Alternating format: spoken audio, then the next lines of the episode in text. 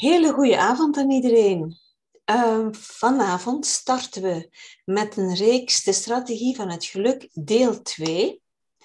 En Gerbert zal ons begeleiden, inspireren en empoweren om nog dieper door te denken over levenskunst vandaag. Want levenskunst is uiteraard geen vanzelfsprekendheid en toch is het mogelijk. Gerbert, het is helemaal aan jou.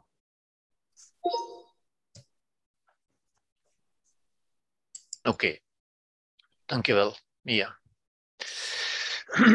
Dit is mijn openingsplaatje, zoals u weet. Dat is hetzelfde als van deel 1, behalve dat er deel 2 bij staat. dit zijn de boeken die u kent, natuurlijk. Ja, en dit is het plaatje dat u ook kent, waar ik ook deel 1 mee begonnen ben, wat ik u heel even in herinnering breng, omdat het zo'n belangrijk gegeven is.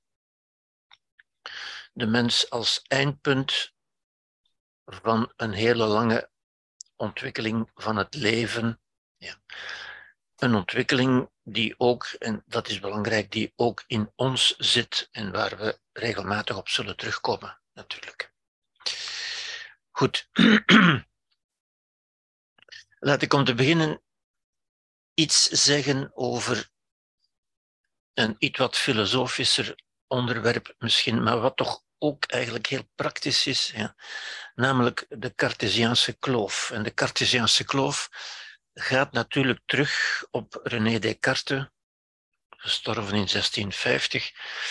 Uh, eh, René Descartes, die ook gezien wordt als het begin van de moderne filosofie, van de hedendaagse filosofie. Ja. En de Cartesiaanse kloof gaat terug op een ervaringsgegeven. En dat is natuurlijk voor ons nog altijd belangrijk. Het is een concept dat nog altijd vragen blijft stellen ook. En het gaat over het gegeven van de ervaring van dualiteit.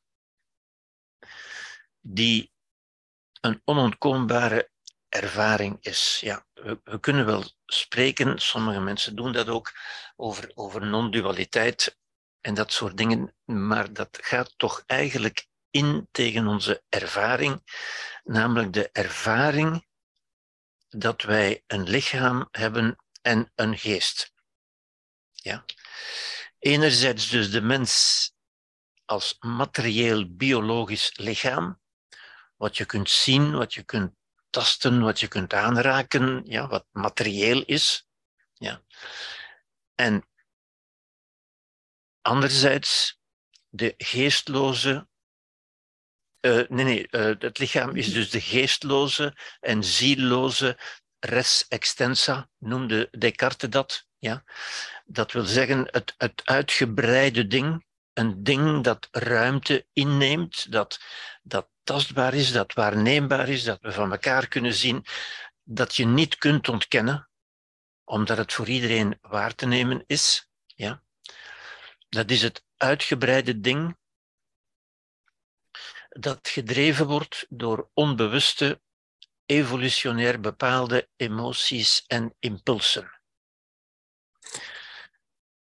die net zo zijn, en daarmee sluit ik meteen aan bij het vorige plaatje natuurlijk, die net zo zijn als bij dieren.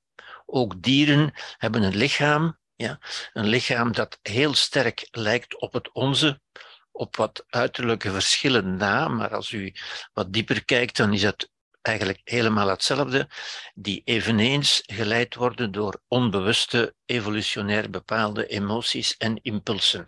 En dat is eigenlijk dat die hele evolutionaire geschiedenis die tot in ons lichaam, tot in onze emoties aanwezig is. Ja, daar heb ik in deel 1 ook meer over gezegd natuurlijk. Ja. Dat is het door de evolutie gecreëerde ding dat ding, ons, ons lichaam, hè, res in het Latijn, de res extensa, dat ding is ons gegeven door de evolutie, kun je zeggen. Het is ontstaan in de evolutie en wij hebben het dus op een bepaald moment gekregen. Wij, wij zijn erin wakker geworden, zou je kunnen zeggen. Ja, het is ons gegeven. Ja. Het, het blijft ook nog altijd een niet helemaal begrepen ding Ja, want het is in die lange evolutie ontstaan en er is geen handleiding bijgekomen. Wij kunnen proberen van het te begrijpen en daar zijn we een heel eind in opgeschoten, maar toch niet helemaal. Ja. En anderzijds is er ook de mens, maar ook de ervaring van een immaterieel ding, iets immaterieels, ja, lichaamsloos, maar wel bewust, namelijk wat we de geest noemen. Ja? De geest waarin de gedachten ontstaan die ik nu aan u meedeel. Ja? Waardoor ik eigenlijk spreek tegen uw geest. Want u met uw geest kunt u dat begrijpen. Ja? Als ik die dingen tegen mijn kat zou zeggen, dat kan ik ook, maar die begrijpt dat niet. Ja? U begrijpt dat wel, omdat mijn geest tegen uw geest. En dat is toch een ervaring, zou ik zeggen. Ja? De ervaring dat er iets in ons is, een ding. Ja? Descartes noemde dat de res cogitans, dat wil zeggen het denkende ding. Iets wat, wat denkt, iets waarmee we bewust zijn, ja? wat toch iets anders is dan ons lichaam. Ja? Het is bijvoorbeeld iets anders omdat we naar ons lichaam kunnen kijken. En iets waar je kunt naar kijken, dat kun je niet zijn. Ja?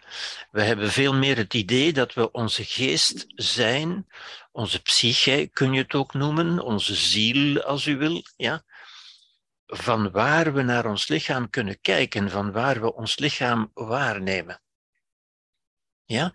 En ik denk, welke woorden je nu ook gebruikt, daar kunnen we over discussiëren natuurlijk, maar toch de, de, de ervaring dat er die twee aspecten zijn, dat materiële ding en dat niet materiële ding, dat denkende ding. Ja?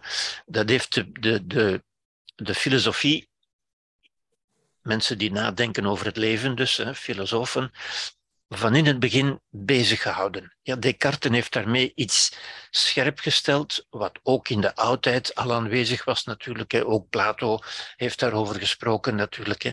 Dat is altijd al aanwezig geweest en dat is tot, tot bij ons nog altijd zo. Ja? En waarom noem ik dat de Cartesiaanse kloof? Wel, omdat we dat niet echt helder kunnen krijgen hoe dat werkt. Ja? Dat denkende ding, de denker dus, het, het denken in ons, die actief vorm en betekenis geeft aan een geestelijk en moreel leven. Ja, moreel ook, omdat we ons daarmee afvragen van wat ga ik doen, is dat wel goed dat ik dat doe, en, en zo verder. Die hele denkwereld, die toch een heel andere wereld is dan de wereld van het lichaam, zou ik zeggen. Ja. En dat is het door de mens zelf gecreëerde ding. Ja? Dus je ziet die twee dingen. Enerzijds het door de evolutie gecreëerde ding, die we de hardware zouden kunnen noemen als we met, met, met, met computerterminologie uh, denken. Ja? En anderzijds het door de mens zelf gecreëerde ding. Ja? Die software. Ja? Daaraan kunnen wij heel veel doen, daar kunnen wij over nadenken, we kunnen het aan elkaar doorgeven, we kunnen dingen leren enzovoort. Dat is een heel andere wereld dan de wereld van het lichaam. Ja? En daartussen, dat is een beeld natuurlijk, hè, die twee zijn zodanig van elkaar als ervaring gescheiden, ja, dat men dat de kloof is gaan noemen, de Cartesiaanse kloof. Ja? En het je kunt zeggen, het brein zit in de schedel. Het brein, dat zijn onze hersenen natuurlijk. Die zitten in onze schedel. Dat is het materiële ding, het door de evolutie gecreëerde ding. Maar ons denken, onze geest, die kan overal zijn. Met onze geest kunnen wij uh, in, in Amsterdam zijn, of in Parijs, of in Madrid. Maar ook in het verleden en in de toekomst. Ja? En dus onze geest, en dat is toch al een duidelijk onderscheid, ons lichaam is altijd hier en nu. Ja? Maar met onze geest kunnen we bijna overal zijn en in gelijk welke tijd. In het verleden, in de toekomst. Ja? Een, een, heel merkwaardig gegeven, zou je kunnen zeggen. Ja?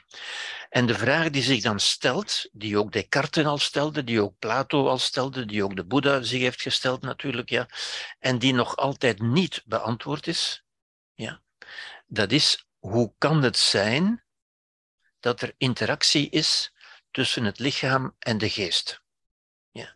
En ik weet natuurlijk wel dat mensen uh, hier al meteen zullen kunnen opwerpen, ja, maar het lichaam en de geest, dat is toch één, dat is toch hetzelfde. En dat kun je wel zeggen, je kunt dat zeggen, je kunt dat ook geloven, maar je kunt dat niet ervaren. Ja? In onze ervaring is onze geest toch altijd iets anders dan ons lichaam. Al is het maar door, door die dat eenvoudige onderscheid dat ons lichaam hier en nu is, terwijl onze geest overal geografisch en ook overal in de tijd kan zijn. Met onze, licht, met onze geest kunnen we heel makkelijk door de tijd reizen, wat we met ons lichaam niet kunnen. Dus dat is toch een duidelijk onderscheid in ervaring, zou ik zeggen. Ja? We kunnen wel zeggen dat is één, maar we kunnen dat niet ervaren. Ja?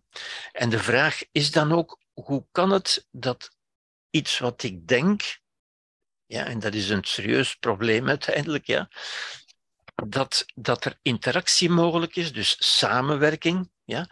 En wat is die samenwerking? Wel, die, ook die ervaren we elke dag. Ja? Als ik, als ik uh, een, een pen opneem die hier voor mij ligt, ja? hier, hier is ze, ja? hoe heb ik dat gedaan? Wel, ik heb gewoon in mijn geest de gedachte geformuleerd. Ik ga die pen opnemen. En dan reken ik erop, ik vertrouw erop dat mijn lichaam dat gaat doen. En mijn lichaam doet dat ook. Ja? Zonder dat ik weet hoe. Ja? Ik weet natuurlijk, en u weet ook, dat dat met spieren en met zenuwen gebeurt. Maar verder komen we niet toe. Ja? We rekenen erop, we vertrouwen erop dat het lichaam dat zal doen. Hoe dat juist gebeurt, dat weten we niet. Ja? Maar de ervaring dat die twee aspecten van het mens zijn, ja, iets mogelijk maken, die is on, onontkoombaar, zou ik zeggen. Ja? Um, dat is een, een ernstig probleem in de filosofie en ook in de, in de wetenschap. Ook de wetenschap heeft daar geen antwoord op. Ja? Men, men heeft daar al heel veel naar gezocht en er zijn heel veel dingen die gevonden zijn, die duidelijk zijn, maar men, men kan nog altijd niet uitleggen hoe het kan dat een simpele gedachte mijn lichaam in beweging zet. Ja? Nu, iets waar we gaan op terugkomen, natuurlijk. Maar dat is een eerste punt dat ik met u wilde bespreken. Dus om, om te beginnen moet het duidelijk zijn, denk ik, dat we die dualiteit ervaren of we dat nu fijn vinden of niet. Ja? En dat we die kloof tussen die twee aspecten ook niet kunnen verklaren of niet kunnen overbruggen, tenzij gedeeltelijk. En ik ga daar later natuurlijk ook op terugkomen. Ik zeg dat met een bepaalde reden natuurlijk. Ja. Goed. Het lichaam, ik heb het u net ook gezegd, ons, ons lichaam doet zich aan ons voor als een iets. Ja? Iets dat wij waarnemen zoals we ook andere dingen waarnemen. Ja? In feite nemen we onszelf gewoonweg waar, zoals we ook andere dingen, zoals ik mijn kat waarneem, ja, of een ander mens. Ja? Met andere woorden, men, men zegt dat verschijnt in ons bewustzijn, en dat verschijnen in ons bewustzijn is wat we dus bewust worden noemen. Ja? We worden ons ervan bewust dat we een lichaam hebben, omdat we het kunnen zien. Ja? Zoals we ons van zoveel andere dingen, van, van mijn computer en van die klok die daar staat en van wat op mijn bureau ligt en zo verder. We nemen dat waar en dat is een vorm van bewust worden. We beseffen dat het er is. Dat verschijnt in ons bewustzijn, ja? Zoals, en ik heb het bewustzijn in, in deel 1 ook ons parlement genoemd, ja? dat is onze hoogste functie waarin onze gedachten en onze emoties aan ons verschijnen. Ja? Hoe weten we dat we emoties hebben? Wel, omdat we er bewust van worden. En bewust worden wil zeggen dat ze, dat ze optreden in ons parlement. Ja? Zoals we ons ook bewust worden van ons lichaam, omdat, we, omdat het in ons bewustzijn verschijnt. Ja? Zoals van al de rest in de wereld, zoals van andere mensen enzovoort. Ja? Nee. Dat wil ook zeggen, iets wat ik ook in deel 1 wel gezegd heb, ja, maar waar we niet genoeg de nadruk kunnen op leggen, ja, dat wat wij ervaren is de verschijning in ons bewustzijn, niet de realiteit. Ja? De realiteit die blijft buiten ons. Ja, als ik die, die pen bekijk, ik ben me ervan bewust omdat ze in mijn bewustzijn verschijnt. Ja? Er verschijnt niet de realiteit. En ik denk dat uh, iemand als Pythagoras heeft dat al gezegd. Uh, heeft gezegd, als wij, als wij een steen zien, dan zien we die steen in ons bewustzijn. Met andere woorden, we zien de voorstelling van die steen. Er is geen steen in ons bewustzijn. De steen is in de buitenwereld. Ja? Maar wij zien de, de verschijning, het fenomeen steen in ons bewustzijn. Ja? In een normale, gezonde toestand is het lichaam ook stil. Het lichaam spreekt niet. Ja. Als u naar uw normaal lichaam en u bent normaal gezond, dan zegt uw lichaam u niets. Ja? En dat is zelfs een teken van gezondheid. Ja? En als u gezond bent, dan ervaart u uw lichaam eigenlijk niet. Ja? Als, u, als u uw lichaam ervaart, als uw lichaam u een signaal geeft, dan wil dat in de meeste gevallen zeggen dat er iets niet goed is, dat er iets niet juist is, uiteindelijk. Ja? Als u luistert naar uw lichaam, ja, uh, dat is gezegd door, ik geef het er maar bij ter illustratie, Claude Bernard, een van de, van de grote bekende fysiologen in, in de geneeskunde, en Auguste Comte, een van de grote wetenschappers van de 19e eeuw, zei: gezondheid is stilte in de organen. La vie dans le silence des organes. Ja? Als u gezond bent, dan zegt het lichaam ons niets. Ja? Als, u er, als u naar luistert, dan hoort u eigenlijk niets. Ja? Het lichaam spreekt, zogezegd alleen maar, geeft ons signalen als er iets niet goed is. Of als er iets tekort is, dat wil niet noodzakelijk zeggen dat u, dat u ziek bent, maar wel dat u bijvoorbeeld moe bent, dat er rust nodig is, of dat u honger hebt, dat er voedsel nodig is. Ja? Maar als, als het lichaam normaal functioneert, dan zegt het lichaam niets. Het is stil. Ja? Alleen bij ziekte of protest wordt er gesproken. Hè? Gesproken tussen aanhalingstekens. Het lichaam stuurt signalen natuurlijk. Hè? Het lichaam, dat is geen taal, dat zijn tekens, signalen, zou je kunnen zeggen. Het luisteren naar het lichaam is een beetje als, zoals ik zou zeggen, luisteren naar België of naar Brussel. Als u naar Brussel luistert, dan kunt u zeggen, ja, naar, naar wat moet ik nu luisteren eigenlijk? Hè? U, u kunt dat zeggen, maar dat zijn abstracties in feite. Of ik luister naar België, of ik luister naar Turkije. Ja, dat zijn abstracties eigenlijk. En het lichaam is ook zoiets. Hè. Wij, zeggen het lichaam alsof we weten wat dat is, maar eigenlijk weten we niet wat, wat dat is. Als ik zeg het lichaam, zijn dat dan uw botten, of zijn dat uw maag, of uw, of uw, of uw spieren, of uw nieren, of, of wat dan ook? Eigenlijk weten we het niet. Hè. We gebruiken dat woord dagelijks zonder erbij na te denken, dat we eigenlijk zelfs het lichaam, dat we zo goed denken te kennen, dat we eigenlijk niet eens weten wat dat is. Ja? We stellen vast dat er in dat lichaam gesproken wordt of een signaal gegeven wordt. Ja? U, u kunt hoofdpijn hebben, of u kunt buikpijn hebben, of u kunt moe zijn. Maar dat zijn dan specifieke tekens van specifieke organen. Maar het lichaam ja, is een abstractie. Net als de geest bijvoorbeeld. Ja? Het zijn abstracte concepten. En ook mensen die heel lichaamsbewust of lichaamsgericht zijn, zullen toch moeten toegeven dat het lichaam is een abstractie. Je weet, je weet niet waar dat eigenlijk is. Het is dat geheel van organen en spieren en botten en pezen, maar het lichaam als dusdanig, ja, goed. De enige intentie, en dat is dan weer het evolutionaire verleden, ja, de enige intentie die de, die de, de evolutie met ons heeft, en de enige intentie die we ook in het lichaam kunnen waarnemen, is de wil tot overleven. Ja? Alles wat in ons aanwezig is, is er omdat het bijdraagt tot de overleving. Ja? Of je zou het omgekeerd kunnen zeggen, dat is misschien duidelijker. Ja? Alles wat er is, is gebleven, is er gebleven omdat het geselecteerd is, omdat het wil overleven. Ja? Wij zijn afstammelingen van mensen die wilden overleven. En die wil tot overleven is ook in ons aanwezig.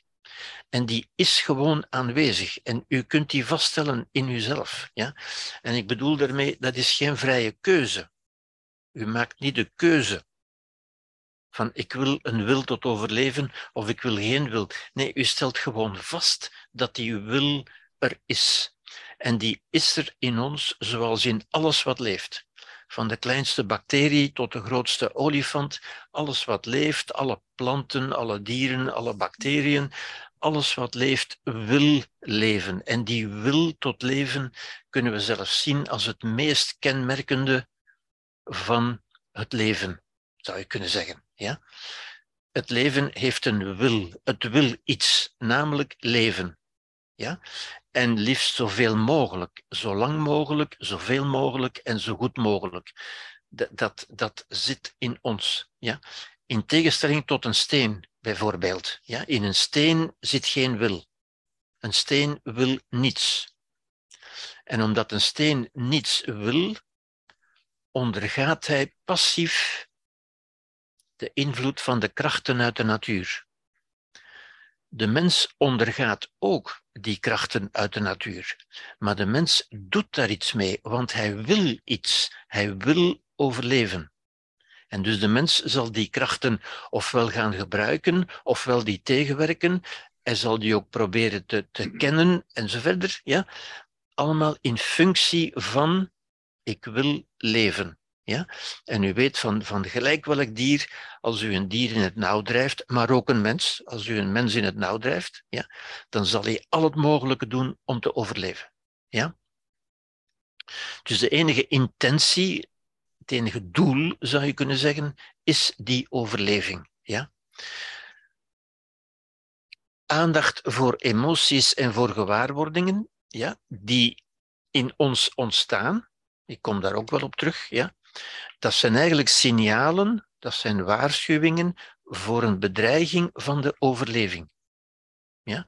Ons lichaam reageert, of meer bepaald ons brein, onze emoties, maar dat is ook ons lichaam natuurlijk, ja? reageren zodra er een gevaar wordt vermoed, gezien of vermoed, of voorgesteld of gedacht, een gevaar voor de overleving, dan ontstaat er in ons, en dat, zijn, dat is ook die wil die we dan ervaren. Ja? Emoties zijn de tekens die het lichaam ons geeft van ik wil leven en er is gevaar voor mijn leven. Ja? Het wonder is eigenlijk wat ik daarnet eigenlijk ook al heb gezegd. Ja? Dus ik heb gezegd het, luisteren naar het lichaam. Ja? Luisteren naar het lichaam is luisteren naar de tekens van het lichaam. Het wonder is eigenlijk dat we vaststellen, zoals ik daarnet heb gezegd, ja? als ik die pen wil vastnemen, ja, dan doet mijn lichaam dat gewoon. En het wonder, zou ik zeggen, is dat het lichaam eigenlijk altijd naar ons luistert. En onze intenties zo goed mogelijk probeert uit te voeren. Ja? En dat, ik, ik leg daar een beetje de nadruk op, omdat, omdat, dat, omdat er vaak niet voldoende aandacht voor is, denk ik. Ja? Men zegt wel, je moet luisteren naar het lichaam, en dat is natuurlijk waar, maar we zijn niet voldoende bewust dat het lichaam altijd naar ons luistert. En dat we dat niet begrijpen hoe dat kan. Ja, u, u moet ook eens nadenken, als u bijvoorbeeld een, een, een ergens loopt en u komt een trap tegen, dan zegt u gewoon, ja, ik ga gewoon die trap op. En u rekent erop dat uw benen, die spieren, dat complexe orgaan, dat complexe mechanisme van uw benen, dat, dat die het nodige doen om u trap voor trap naar boven te brengen. U denkt daar niet eens over na. ik ook niet. Ja? En we weten natuurlijk dat, dat dat met spieren en zenuwen en botten en zo gebeurt. Maar we kunnen dat niet in detail aansturen. We rekenen er gewoon op dat het lichaam dat doet. Ja? Net zoals als u dingen in uw mond steekt. Ik, ga gewoon uh, eten, ja? want u hebt honger en, en u eet. Maar dan weet u niet meer wat er verder gebeurt. Ja? U rekent er gewoon op dat in uw lichaam de nodige apparatuur aanwezig is om, om dat wat u in uw mond steekt uit elkaar te nemen en daar de goede bestanddelen uit te halen en de andere bestanden weer te laten verdwijnen. Ja? En ziet u, u rekent voortdurend, omdat we niet anders kunnen, u rekent voortdurend op de medewerking van uw lichaam eigenlijk. Voortdurend. Ja? Ook als u spreekt, als ik nu spreek, ja? ik, ik, ik weet ook niet ja, ik, ik, begin er gewoon aan en dat doet u ook natuurlijk. Ja, ja. En hoe, hoe kan het dat die woorden op de juiste plaats komen, in de juiste volgorde, in, in met, de, met de juiste grammatica? Dat, dat, weten we allemaal niet. Hè. Daar, daar rekenen we gewoon op dat ons brein dat voor ons doet. Ja? En u, u, u ziet dus dat we eigenlijk voortdurend rekenen op de medewerking, de samenwerking van ons lichaam, de medewerkingsbereidheid van ons lichaam, zou je kunnen denken. En ons lichaam doet dat ook in de meeste gevallen. Ja? Tenzij we natuurlijk iets vragen wat echt niet kan, of tenzij ons lichaam, onze, onze, onze trouwe medewerker, moe is of, of stress heeft of, of een ander probleem heeft en, en ons zijn probleem laat kennen. Ja. Goed. Oké, ik wil eventjes situeren uh, hoe ik deze lezingenreeks zie. Ja? Uh, ik heb een beetje de overgang gemaakt van, van de vorige reeks naar deze reeks. Ja. Um, ik zie het in twee stappen, waarvan we de eerste stap in principe gezet hebben in deel 1. Ja?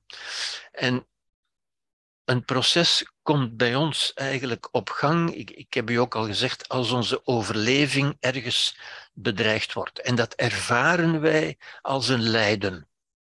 Lijden, ja, onwelzijn dus, hè, wij voelen ons niet goed. Dat is een teken, een signaal dat er iets is dat aandacht nodig heeft. Daar hebben we het in deel 1 uitgebreid over gehad. Ja? En ik heb daar ook gezegd, de eerste stap is eigenlijk een stap uit dat lijden. En daarom heb ik in deel 1, hebben we in deel 1 uitgebreid stilgestaan bij wat lijden eigenlijk is, namelijk de, die logica, de logica van het lijden en van onwelzijn. We hebben gesproken over die nee-logica, ja, met die passies, die emoties, hè, angst, verdriet, woede, depressie, dat zijn natuurlijk emoties tekens dat er iets niet, dat er iets onze aandacht verdient. Dat zijn geen aangename tekens, dat zijn onaangename tekens, juist om ons aan te zetten om iets te doen, om terug tot een toestand van welzijn te komen. Ja? Uh, dat zijn gevallen van onvrede in onszelf. Lijden is altijd onvrede in onszelf, conflict, verzet, oorlog in onszelf in onszelf, dat wil zeggen in onze geest, in onze psyche, ja, dat merkwaardige iets wat we de geest noemen, ja, het is in de geest, ja. Het zijn oordelen, beschuldigen van anderen. Het is disenchantment. Disenchantment is de ontgoocheling, de desillusie over het leven, de frustratie ook, de disempowerment, het gevoel van machteloosheid het gevoel, het idee eigenlijk van machteloosheid, ja. het idee van zinloosheid, dat zijn allemaal, daar heb ik het in deel 1 over gehad. En het is als we dat inzien, dan kunnen we ook, zoals ik in deel 1 ook heb gezegd, ja, daaruit stappen. En dat is de grote, die grote pijl hier, ja, uh, pijl 1 zou ik zeggen, die ons moet brengen naar vrede. Dat is het grote thema van deel 1, zou ik zeggen. Ja? En vrede is het einde van lijden. Zoals vrede het einde is van de oorlog. Ja, en oorlog is natuurlijk lijden. Ja. Fysiek lijden, maar ook psychisch lijden natuurlijk. Ja. En dat is dus niet, zoals ik ook altijd zeg, niet leren omgaan met Ja? En ik vergelijk het altijd een beetje, dat is een, een bekende vergelijking natuurlijk, met als u naar, naar de tandarts gaat met, eh, met kiespijn, dan zegt u niet tegen uw tandarts, uh, leer mij eens omgaan met die kiespijn. Nee, u zegt tegen die tandarts, verlos mij van die kiespijn. Ja? En zo moeten wij ons ook, of moeten wij niet, maar kunnen we, dat was de eerste stap natuurlijk, ons verlossen van het lijden. Ja? Niet zozeer ermee leren omgaan, maar er ons van verlossen. Dat is ook het grote programma van de Boeddha natuurlijk. De grote bedoeling van de Boeddha is juist verlossen van het lijden door het begrijpen, door het nadenken van het lijden. En dat nadenken, dat kunnen we weer omdat we dat dat, dat merkwaardige instrument hebben dat ons bewustzijn is. Want het is in het bewustzijn dat het lijden ontstaat en dat we er ook kunnen over nadenken. En dat we ons kunnen van verlossen. Ja. En dan komen we tot die voorstelling van die lijn. Ik denk dat ik dat in deel 1 ook wel gezegd heb. Die lijn die, die, die ik een beetje als de basislijn beschouw in ons bewustzijn. Ja? En u kunt zich die voorstellen dat die doorheen uw bewustzijnsveld loopt. U kunt zich die, en het is belangrijk, die, die voorstelling ook, die grafische voorstelling, want dat kunt u heel makkelijk met u meenemen. U kunt die lijn zien in uw, in uw aandachtsveld, in uw bewustzijnsveld. Ja? En dan kunt u zien, zolang ik onder die lijn ben, ben ik ergens in lijden onder die lijn is het lijden. En de bedoeling is, dat is stap 1, dat was de bedoeling van de eerste reeks lezingen, is de bedoeling is van altijd weer tot vrede te komen. Ja? En vrede, ik herinner u daaraan, is niet iets wat u moet vinden of zoeken of krijgen. Het is geen staat van genade, het is iets wat u kunt creëren, wat u moet, enfin, u moet dat niet, maar wat u kunt in uzelf tot stand brengen. Ja? Dat is een menselijke mogelijkheid. Je moet daarvoor niet tot een God eh, bidden of smeken of zoiets. Dat, is, dat behoort tot de menselijke mogelijkheden. Dat is ook wat de Boeddha ons gezegd heeft. Ja? De Boeddha is ook een, een, echte, een echte humanist. Ja? Hij heeft niet gezegd dat je moest gaan bidden of, of naar de kerk moest gaan. Hij heeft gezegd, gebruik uw eigen mogelijkheden. Dat behoort tot de menselijke mogelijkheden. Ja? En dus dat is, zou ik zeggen, het basisconcept. De basis is vrede. Eigenlijk zouden we kunnen zeggen, dat zou altijd uw basis moeten zijn, uw uitgangspunt. Normalerwijze zou u in vrede moeten zijn, zou ik zeggen. Ja? Dat is ook de sereniteit, ja? de gemoedsrust, ja? de vrede in de geest, de peace of mind, la paix dans l'âme, ja? Dat zou uw uitgangspunt moeten zijn. Dat is uw neutrale vertrekbasis, zou ik zeggen. Ja? De bottom line, zoals ik het ook noem. Ja? U weet, de bottom line in, in, in, in zaken, in financiële middels, is dat het geld natuurlijk. Het gaat altijd om het geld. Dat noemt, dat noemt men de bottom line. In uw psychische wereld zou u moeten zeggen, het gaat om vrede. Dat zou uw bottom line moeten zijn ja? waar u wel af en toe kunt, van, kunt, kunt afvallen, eventueel, maar waar u altijd terug opnieuw naartoe kunt gaan. Dat zou uw uitgangspunt moeten zijn. En dat was ook in grote lijnen wat ik in deel 1 heb proberen te doen met u. Ja? Um, dat is het beginpunt, zou ik zeggen, het uitgangspunt.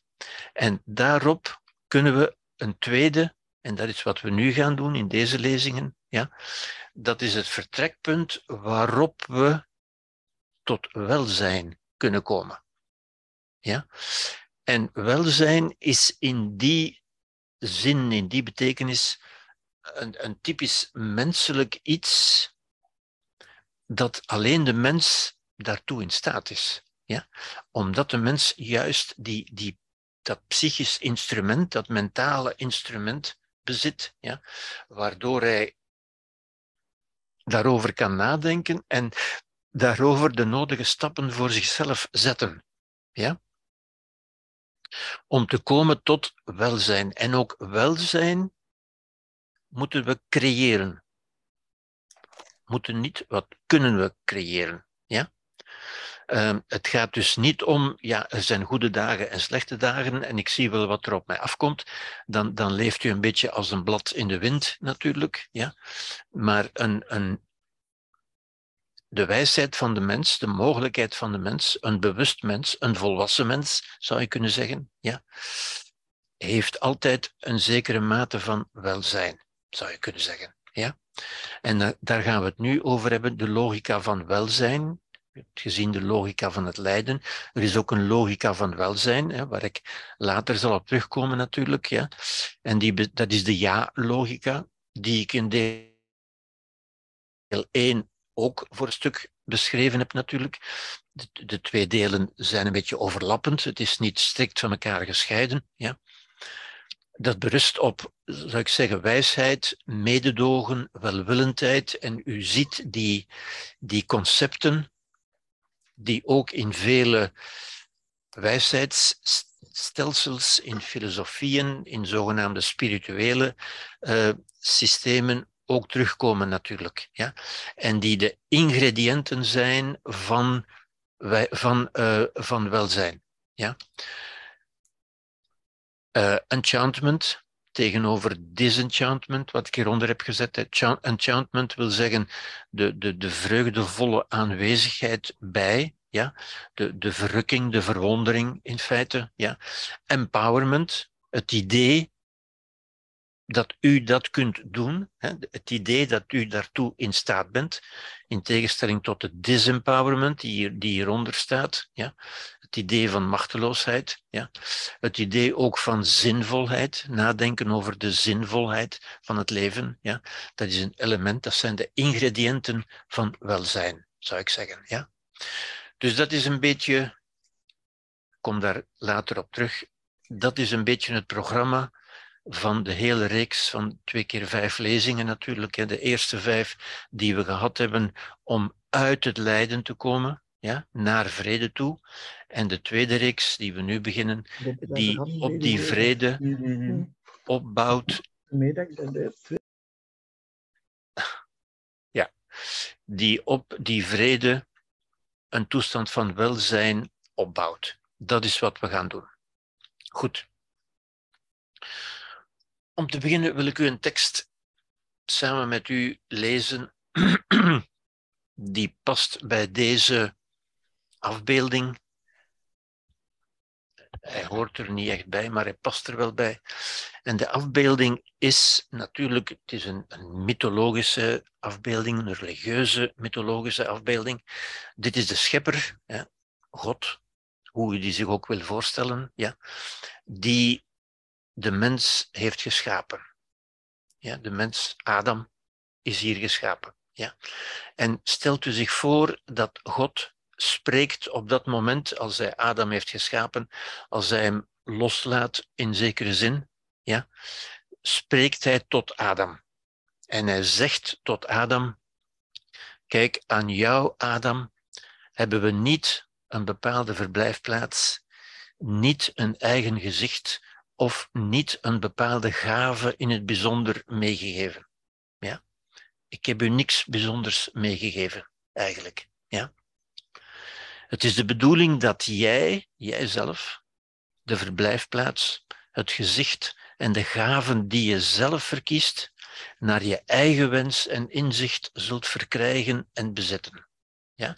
Dus hij maakt zijn bedoeling heel duidelijk. Het is de bedoeling dat jij iets doet. Ik heb je niks meegegeven. Het is de bedoeling dat jij iets doet. Ja. De natuur van de anderen ligt vast en wordt binnen door ons voorgeschreven wetten beteugeld. En de anderen, dat zijn natuurlijk de andere vormen van leven. Ja. Herinner u het plaatje dat ik u eerst heb getoond? Al die dieren die ons zijn voorafgegaan, ja, die liggen vast. Die hebben een vaste natuur. Die kunnen alleen maar doen wat in hun natuur ligt. Maar, zegt de schepper hier tegen de mens, hè, jij hebt niet zo'n natuur. Ik heb je niet zo'n natuur meegegeven. Jij moet dat zelf gaan doen. Ja? Ik heb je geen bepaalde dingen. Met andere woorden, je hebt een grote vrijheid. Maar tegelijk ook, daar gaan we nog op terugkomen natuurlijk, een, een grote verantwoordelijkheid. Ja? Het is de bedoeling dat jij dat zelf doet. Ja? Je moet er niet naar zoeken, ik heb je niks meegegeven, alleen het vermogen om het te doen. Ja? Je zult voor jezelf je natuur bepalen naar je eigen vrije wil waaraan ik je heb toevertrouwd. Dus wat ik je gegeven heb, is een eigen vrije wil. Die vrijheid, met andere woorden. Ja? Die geen enkel dier heeft. Ja? Dat, dat zien we ook heel concreet. Hè? De, de, mens, de mens kan overal leven. Een dier niet. Een dier heeft bepaalde dingen nodig. Als je een dier, als je een leeuw uit zijn plaats wegneemt eh, uit Afrika en je zet hem aan de Noordpool, dan sterft hij. Maar de mens kan overal leven, omdat de mens die eigen vrije wil heeft en zich overal kan aanpassen en ongelooflijk soepel en lenig in zijn denken is. Ja? De mens is een ongelooflijk aanpasbaar wezen, zou je kunnen zeggen. Ja? Midden in de wereld heb ik jou geplaatst, zodat je van daaruit alles wat er om je heen in de wereld is, gemakkelijker kunt bekijken. Ja? Het is aan jou om rond te kijken. Ik heb je niet hemels en niet aards, niet sterfelijk en niet onsterfelijk gemaakt. Als vrij en soeverein kunstenaar, belangrijk woord, kunstenaar, moet jij als het ware je eigen beeldhouwer zijn en jezelf uitbeelden in de vorm die je verkiest. Ja, je kunt het moeilijk duidelijker stellen. Het is aan jou om je leven, dat wat je bent, vorm te geven als een beeldhouwer. In de vorm die jij verkiest. Ja. Je kunt ontaarden in de lagere vormen, de dierlijke, maar je kunt ook door eigen wilsbesluit herboren worden in de hogere vormen die goddelijk zijn. Ja. Met andere woorden, je kunt leven als een dier, ja? dan gebruik je je hoogste vermogens niet, maar je kunt ook je hoogste vermogens gebruiken om herboren te worden in de hogere vormen die goddelijk zijn. Met andere woorden, het hoogste en het laagste is in de mens aanwezig. De mens kan zich gedragen als een dier. En we moeten niet ver kijken om daar voorbeelden van te zien natuurlijk. Maar de mens kan zich ook gedragen als een, als een goddelijk wezen bijna. Ja, als je, als je denk nu maar aan Bach of aan Mozart, eh, dat, dat, dat, dat is goddelijk wat die mensen, die hebben getuigd van hun goddelijke natuur, hè, maar ook Einstein en zo. En, ja, de mens kan dat, maar de mens kan zich ook als een dier gedragen. Ja. Deze tekst is van Pico de la Mirandola en is geschreven in de 15e eeuw.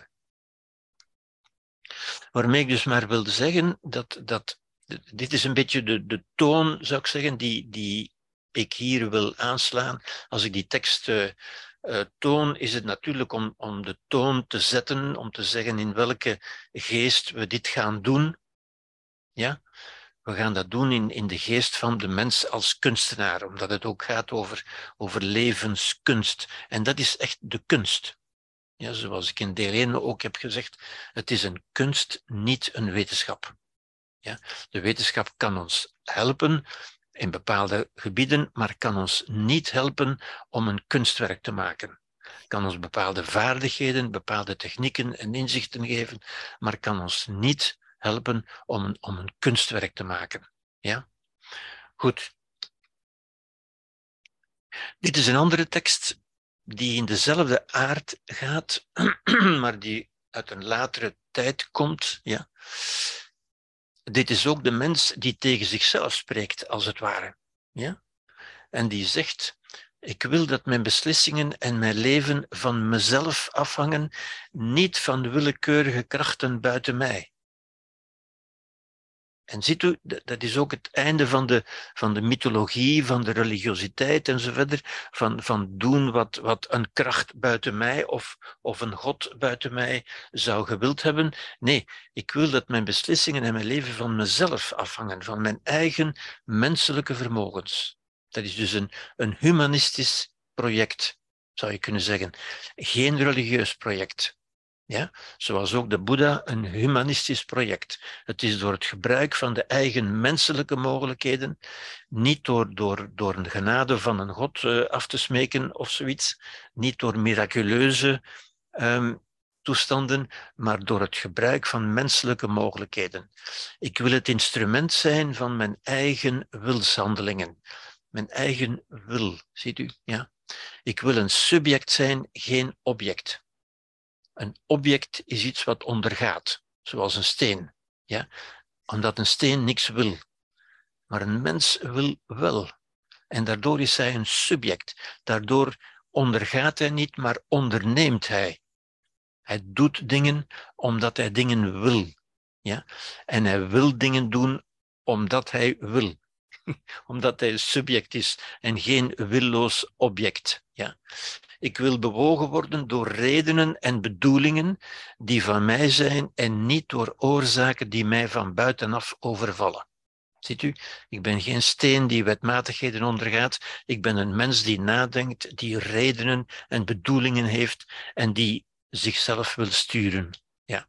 Ik wil iemand zijn, niet niemand. Ik wil een beslisser zijn, niet iemand over wie beslist wordt. Ik wil zelfsturend zijn en niet door anderen of door factoren gestuurd worden alsof ik een ding ben. en het woordje, het woordje factoren, daar wil ik speciaal uw aandacht op vestigen, want dat is wat we toch voortdurend ook horen in de media. Ja? Van ja, maar ik ben bepaald, of die persoon is in zijn gedrag bepaald door die en die factoren uit het verleden of uit zijn, of uit zijn, uh, uit zijn geschiedenis. Ja? Dit zegt, ik wil niet gestuurd worden door factoren alsof ik een ding ben. Een ding wordt gestuurd door factoren. Een ding ondergaat de werking van factoren en oorzaken, maar een subject, een mens, onderneemt en ondergaat niet. Ik wil eigen doelstellingen formuleren en realiseren. Ja?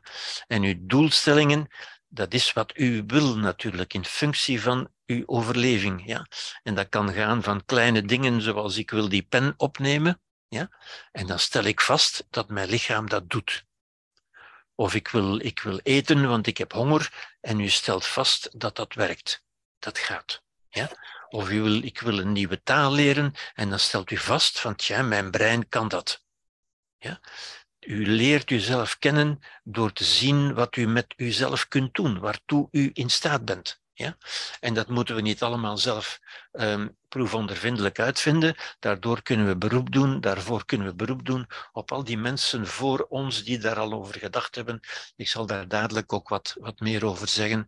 Onder meer de Boeddha, die ik al een aantal keren genoemd heb, maar ook vele filosofen en andere mensen die ons zijn voorafgegaan. Deze tekst is van Isaiah Berlin uit 1958, dus dat is heel kort bij ons waar hij het heeft over two concepts of liberty. Twee opvattingen, twee concepten van vrijheid. Ik, ik ga daar nog op terugkomen, ik ga dat nu niet uh, uitleggen. Dat is het boek dat hij geschreven heeft, Isaiah Berlin, filosoof, uh, Two Concepts of Liberty.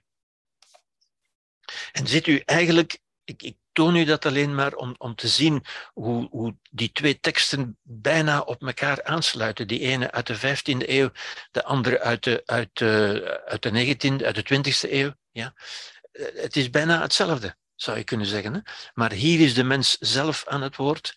In de tekst uit de 15e eeuw krijgt de mens een, opdracht van God, bij wijze van spreken. Hè? De 15e eeuw was natuurlijk in de religieuze in de religieuze tijd. Dit is uit de moderne tijd, 1958, maar het idee is eigenlijk hetzelfde.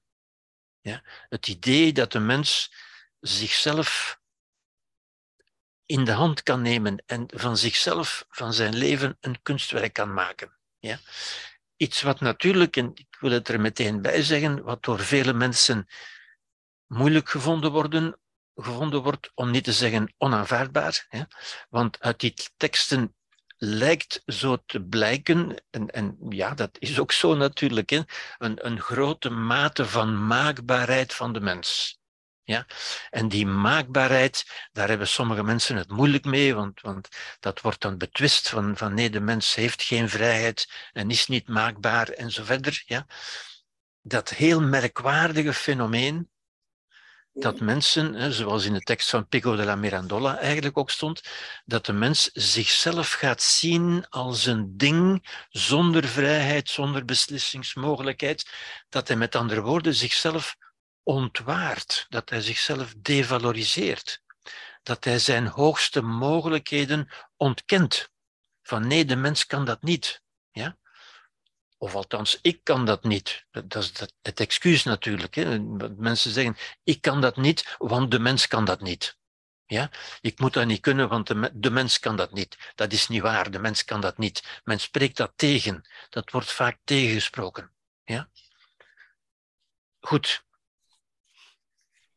Daar zullen we nog op terugkomen, natuurlijk. Ja. Eh, nogmaals, dit is om de toon te zetten van wat ik hier in deze lezingen wil doen eigenlijk. Ja. Um, een korte geschiedenis, zou ik zeggen, van de levenskunst. Een, een, een, overzicht, een overvlucht uh, met, met een arendssnelheid, zou ik zeggen, waarin ik maar een aantal namen ga noemen, want het is natuurlijk een, een, lange geschiedenis, die begint van in de oudheid natuurlijk, hè, van, van uh, begin van onze tijdrekening en nog van daarvoor uiteindelijk, tot onze tijd nu, maar waar ik toch een aantal dingen ook weer duidelijk wil stellen. Ja? Een stukje geschiedenis dus. Levenskunst, de kunst om van het leven iets goeds te maken, iets moois te maken, is eigenlijk begonnen met de mythen begonnen, uh, het eerste wat we daarvan weten, waar we, waar we geschiedenis van hebben, waar we geschreven documenten van hebben. en de mythen, dat was bijvoorbeeld Homerus. Ja. Homerus is de achtste eeuw voor onze tijdrekening, die de Odysseus heeft geschreven, de, de Ilias en de Odysseus. Ja. Met die heldenverhalen, die godenverhalen ook. Hè. Dat zijn verhalen over goden en halfgoden en mensen enzovoort. Maar het zijn verhalen die we eigenlijk kunnen zien als stichtende verhalen, ja? als leerverhalen, waar de mens zich kon aan inspireren. Ja? Als mensen moeilijkheden hadden, dan kon men gaan kijken in die verhalen van kijk, hoe heeft die God dat opgelost? Hoe heeft Achilles dat opgelost? Hoe heeft Agamemnon dat opgelost? Om, om inspiratie op te doen. Verhalen waaraan men zich kon inspireren. Waar men een les kon uitleren. En dat is een belangrijk aspect natuurlijk. Uh, Sophocles ook, het Oedipus-verhaal bijvoorbeeld. Ja. Het Oedipus-verhaal dat door Freud bijvoorbeeld gebruikt is als illustratie. Ja. Oedipus en het, en het noodlotsverhaal en zo verder. Ja. Dat we zeggen, dat is het begin van het nadenken van de mens, van de bewustwording van de mens, zou je kunnen zeggen. Waar de mens gaat zoeken naar hoe kan ik van het leven een, een een kunstwerk maken, bij wijze van spreken. Hoe kan ik het leven tot een goed leven maken? Ja?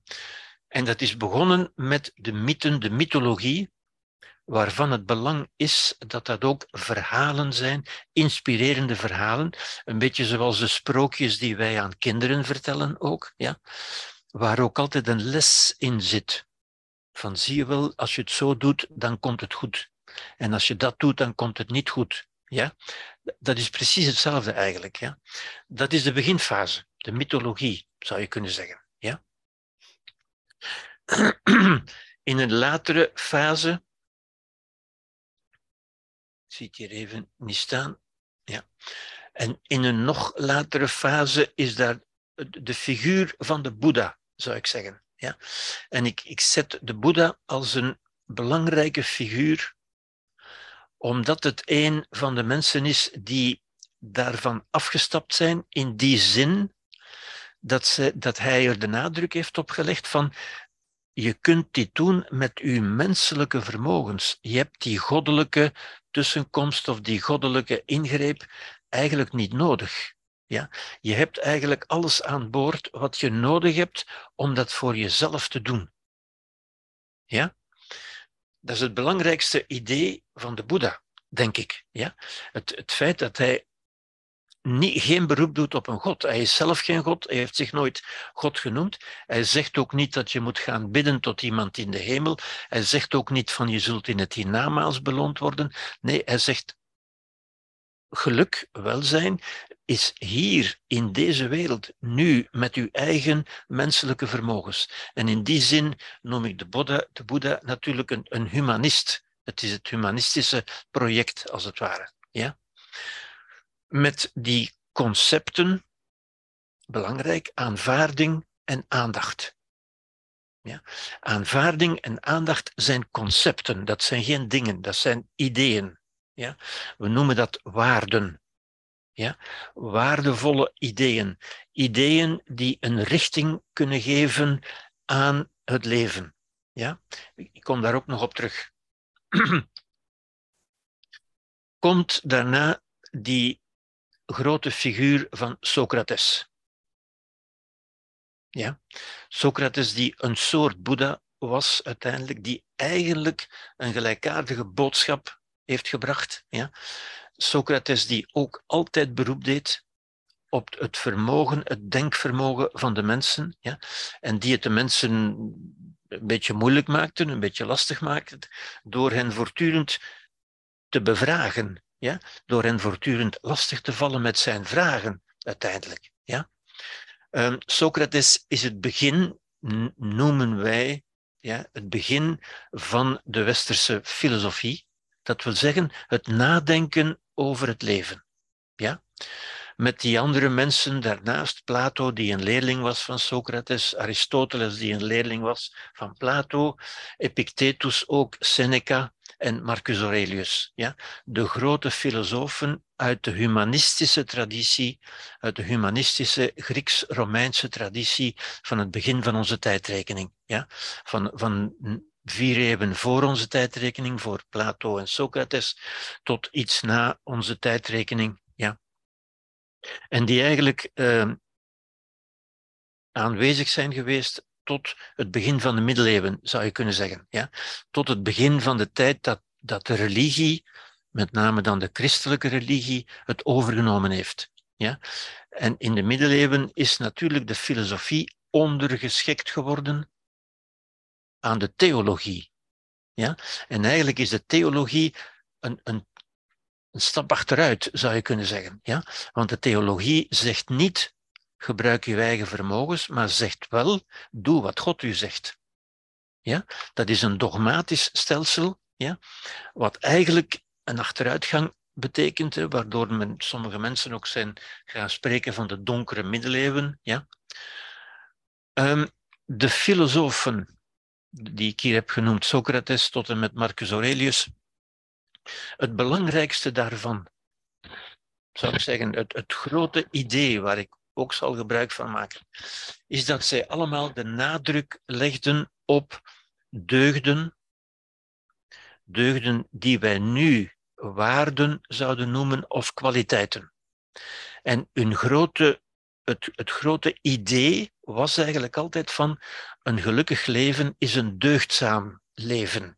Nu, deugdzaam, dat, dat klinkt ons een beetje albollig in de oren natuurlijk, omdat dat een beetje vermengd is geraakt met het religieuze denken. Hè, deugdzaam doen wat God zegt. Maar zij bedoelden daarmee de menselijke kwaliteiten, de menselijke waarden. Ja? De deugden is wat iets deugdelijk maakt. Ja? Wanneer is iets deugdelijk? Wanneer zeggen we bijvoorbeeld dat een pen deugdelijk is? Wanneer deugt die? Wel, die deugt als ze goed doet dat waartoe ze bedoeld is om te doen. Als een pen goed schrijft, dan is het een goede pen. Dan deugt ze. Ja? Een pen die niet schrijft, die deugt niet. Ja? Wel, dat geldt dus voor de mens ook in het idee van, van, van Aristoteles en Epictetus bijvoorbeeld. Ja. Epictetus zei bijvoorbeeld, als de filosofie ons niet helpt om een gelukkiger leven te leiden, waartoe zou ze dan dienen? Zoals als de geneeskunde niet helpt om het lichaam te genezen, waartoe zou die geneeskunde dan kunnen dienen? Wel, zij beschouwden filosofie als de geneeskunde van de geest, ja? om de geest tot meer welzijn te brengen. Ja? En als de filosofie dat niet zou doen, dan zou ze nergens toe dienen. Dus dat was duidelijk hun, hun bedoeling van een filosofie te bedrijven, na te denken over het leven, met het doel tot meer welzijn in het leven te komen. Dat was het doel, het geluk. Niet met abstracte concepten over, over uh, formele logica zitten nadenken aan de universiteit. Nee, om voor iedereen een gelukkiger leven te vormen. Op basis van deugden. Ja? En de deugden waren de kwaliteiten, de waarden die de mens in zichzelf kan gebruiken. Ja? Om, want, want naar hun idee, net zoals een pen goed is als ze goed doet waarvoor ze gemaakt is, is een mens, komt een mens tot een goed leven als hij goed doet waarvoor hij gemaakt is. Ja? En waarvoor is hij gemaakt? Wel, zeiden zij, om zijn hoogste vermogens te gebruiken. Ja? Het gebruik van de hoogste vermogens geeft, leidt tot welzijn. Wat zijn de hoogste vermogens? Wel, dat wat we nu aan het doen zijn ook, hè? het nadenken. Het bekijken, het aanschouwen, het leren kennen en het nadenken over het leven. Hoe kan ik hiervan een kunstwerk maken? Ja?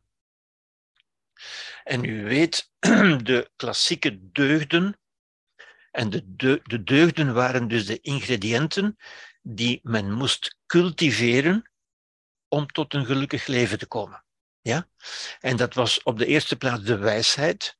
Wijsheid is de redelijkheid. De redelijkheid, de wijsheid van de mens, die hij bereikt door na te denken over het leven. Ja? Dat is ook de moed moed dat wij nu het zelfvertrouwen zouden noemen.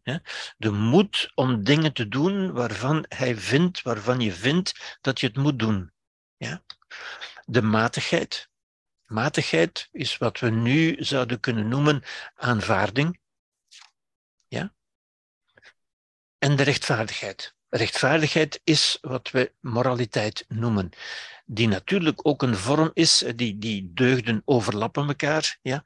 En um, rechtvaardigheid is natuurlijk ook een vorm van, van redelijkheid. Ja, de redelijkheid is eigenlijk, ah, ligt eigenlijk aan de basis van, van alles in feite. Redelijkheid is het denkvermogen, het, de redelijkheid. Ja? Dat zijn, wat ik hier heb geschreven, heb genoteerd, zijn de vier klassieke filosofische deugden van de mens ja, die dus ook in de opvoeding aan bod kwamen. Ja.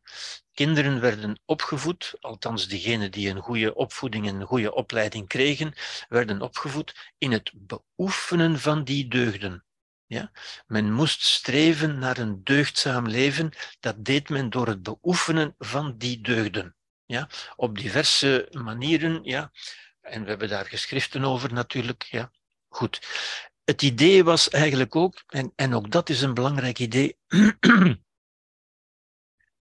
waarom dat ook een vorm van therapie is, zou je kunnen zeggen. Ja, therapie is mensen helpen bij het oplossen van hun problemen. Wel, een centrale vraag was, als ik een bepaald probleem heb, dan moet u zich afvragen, welke deugd heb ik hier nodig? Welke waarde, welke kwaliteit? Wat moet ik in mezelf vergroten? Welke deugd moet ik in mezelf aanscherpen om dat probleem op te lossen? Ja? Moet, heb ik meer wijsheid nodig, meer moed, meer matigheid of meer rechtvaardigheid? Ja? Dat zijn de klassieke deugden uit de klassieke oudheid. Ja? En men schrijft, dat is ook de, de deugdethiek zoals we dat nu noemen, ja? dat was het recept van uit die tijd, van Aristoteles met name, maar ook eigenlijk van allemaal, ook van, van Marcus Aurelius, van tot een gelukkig leven te komen door een deugdzaam leven te leiden, door het cultiveren van die deugden. Ja. U weet waarschijnlijk dat daar achteraf door Thomas van Aquino, Thomas van Aquino is de uh, eh, 12e eeuw, dus we zijn al een stap vooruit natuurlijk, dit is eigenlijk in voege gebleven. In, in de middeleeuwen is dat natuurlijk wat verdwenen. Of, of bijna eigenlijk helemaal verdwenen, zou ik zeggen. Omdat in plaats van de deugden is daar de gehoorzaamheid gekomen. De gehoorzaamheid en de nederigheid aan, aan de wil van God. Ja, dat waren de christelijke deugden. En de christelijke deugden zijn door Thomas van Aquino eraan toegevoegd. Heeft dat in de 12e eeuw te boek gesteld. En die christelijke deugden waren, die kent u waarschijnlijk ook nog altijd, waren de hoop, het geloof en de liefde.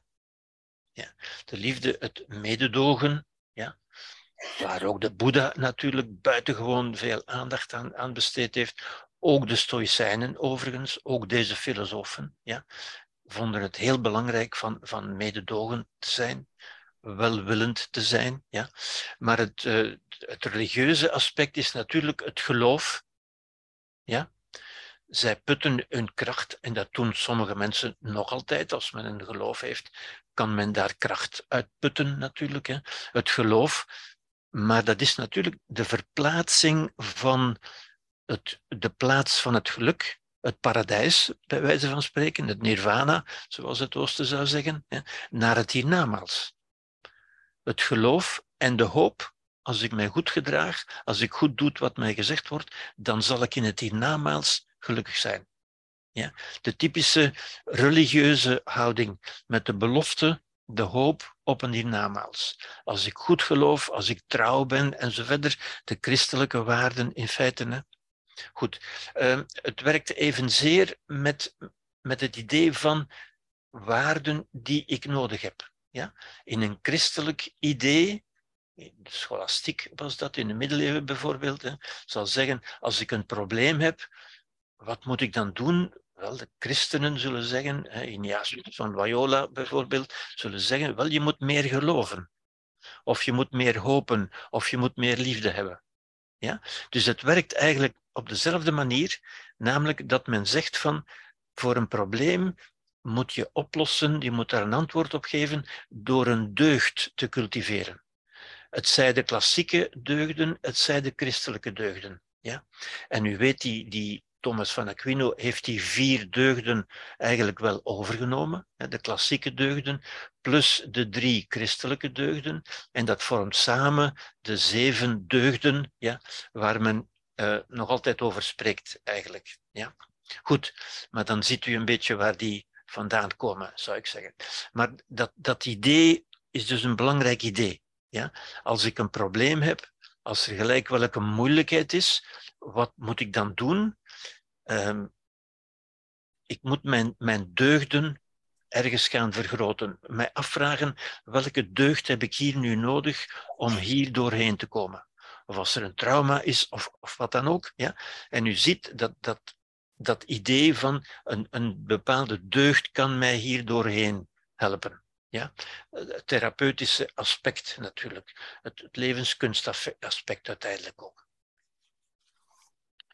Oplossing, met andere woorden, is als er een probleem is, dan is de oplossing het probleem plus de toevoeging van een deugd. Dat is een beetje de formule die dit samenvat, zou ik zeggen. En ik, ik vind die formule belangrijk om, omdat ze zo compact is en zo duidelijk om te beginnen natuurlijk, maar we gaan die later nog tegenkomen op, op andere plaatsen. Ja? Want het is een, een, ik zou zeggen, een generieke formule bijna. Goed, um, het is 20 uur 39. We gaan eventjes pauzeren. Maar tenzij er nu al mensen zijn die een vraag willen stellen. Ik zou zeggen, als er vragen zijn die het u moeilijk maken om te begrijpen, dan kunt u die nu stellen. Voor de grotere inhoudelijke vragen zou ik, zou ik zeggen, stelt u die achteraf. Achteraf gaan we nog uh, op vragen kunnen ingaan. Maar als u iets niet, als u verduidelijking wil over wat tot nu gezegd is, dan kunt u dat nu doen. Ja. Dus we gaan eventjes onderbreken. En dan, ja, ben, ben ik terug en bent u terug. Als er nu korte vragen zijn, wil je daarop ingaan? Zo niet, nemen we vijf minuten pauze. Zijn er vragen nu over wat tot nu toe gezegd is? Ik weet niet of je de chat al kan zien, Gerbert, maar daar zitten een aantal vragen in. En ik eh, ah, kan misschien zelf inschatten welke verduidelijking vragen nu. Uh, ja. Ja, zou Socrates weten hebben gehad van de Boeddha? Dat weten we eigenlijk niet. Hij heeft er, hij heeft er niet over gesproken. U weet, Socrates heeft ook niks geschreven, net als de Boeddha en net zoals Christus overigens. Ja. Het is zeker niet uitgesloten, maar we zijn daar absoluut niet, niet zeker van. Ja? Is matigheid hetzelfde als gelijkmoedigheid? Um, ik denk dat we dat. Uh, het, het, is niet helemaal hetzelfde, maar het, het, dekt elkaar toch. Maar we gaan daar ook wel op terugkomen. Dan gaan we in, in te veel detail gaan op dit moment. Ja.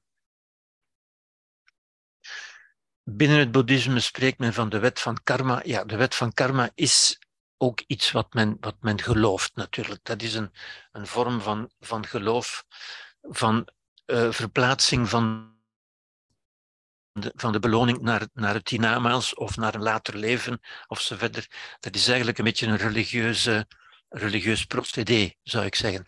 Maar uh, ik denk, de Boeddha heeft nooit gezegd dat je moet vertrouwen op de wet van karma. Ja. Karma komt veel meer uit het Hindoeïsme dan uit het Boeddhisme. Ja. De Boeddha zelf spreekt daar, zover ik weet, niet expliciet over. De Boeddha heeft nooit gezegd, je moet dat doen vanwege je karma bijvoorbeeld. Ja? Ik zie dat Anne iets wil ja, zeggen. Ik, ik, uh, ik, had, ik heb die vraag gesteld omdat ik uh, heel wat jaren terug verbleef ik uh, gedurende een maand in Kopan in, in Nepal, bij de Tibetanen. En um, ja. ja. Lama Zopa, ja, ja, die heeft daar donder, maar letterlijk donder speechen gehouden. Ja, Elke dag opnieuw van als je dit doet, je komt in de helle wereld, in de helle wereld. Allee, dat was nog erger dan de kerk. Ja, ik, ik, begrijp dat. Ik begrijp dat. Uh, nu, ik ga daar niet over discussiëren, want ik, ik ben niet echt een specialist van de, van de Boeddha. Ik neem de Boeddha alleen als, als filosofisch figuur, zou ik zeggen.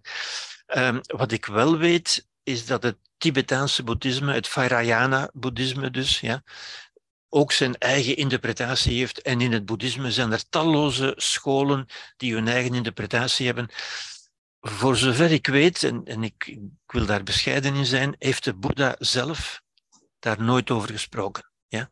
Maar zoals ik al zei, de Boeddha heeft zelf niks geschreven.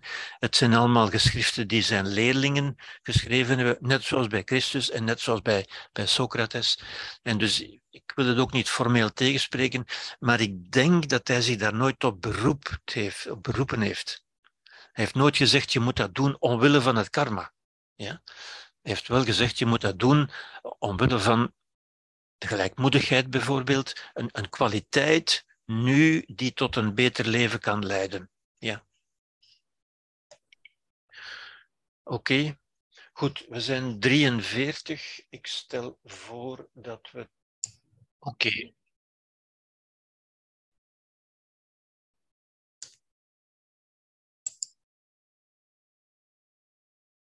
Oké.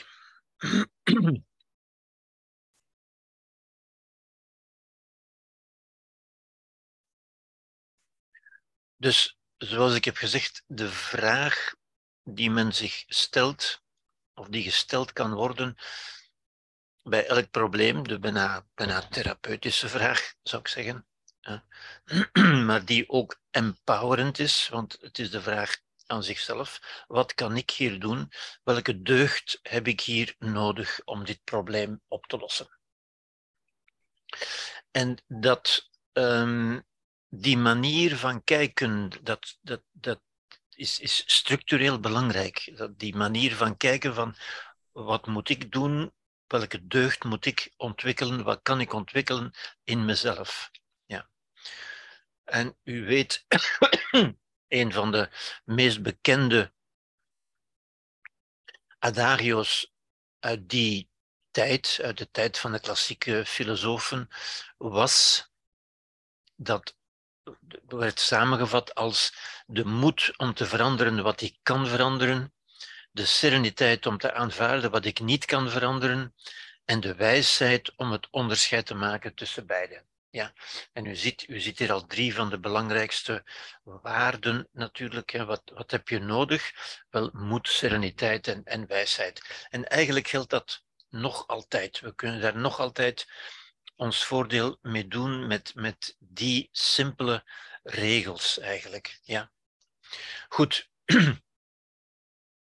Nu, ik zou zeggen, uit dat denken, uit die klassieke, dat klassieke filosofische denken, is in feite een brede stroom ontstaan ja, van denken. Denkers hebben daarop voortgebouwd natuurlijk, ja.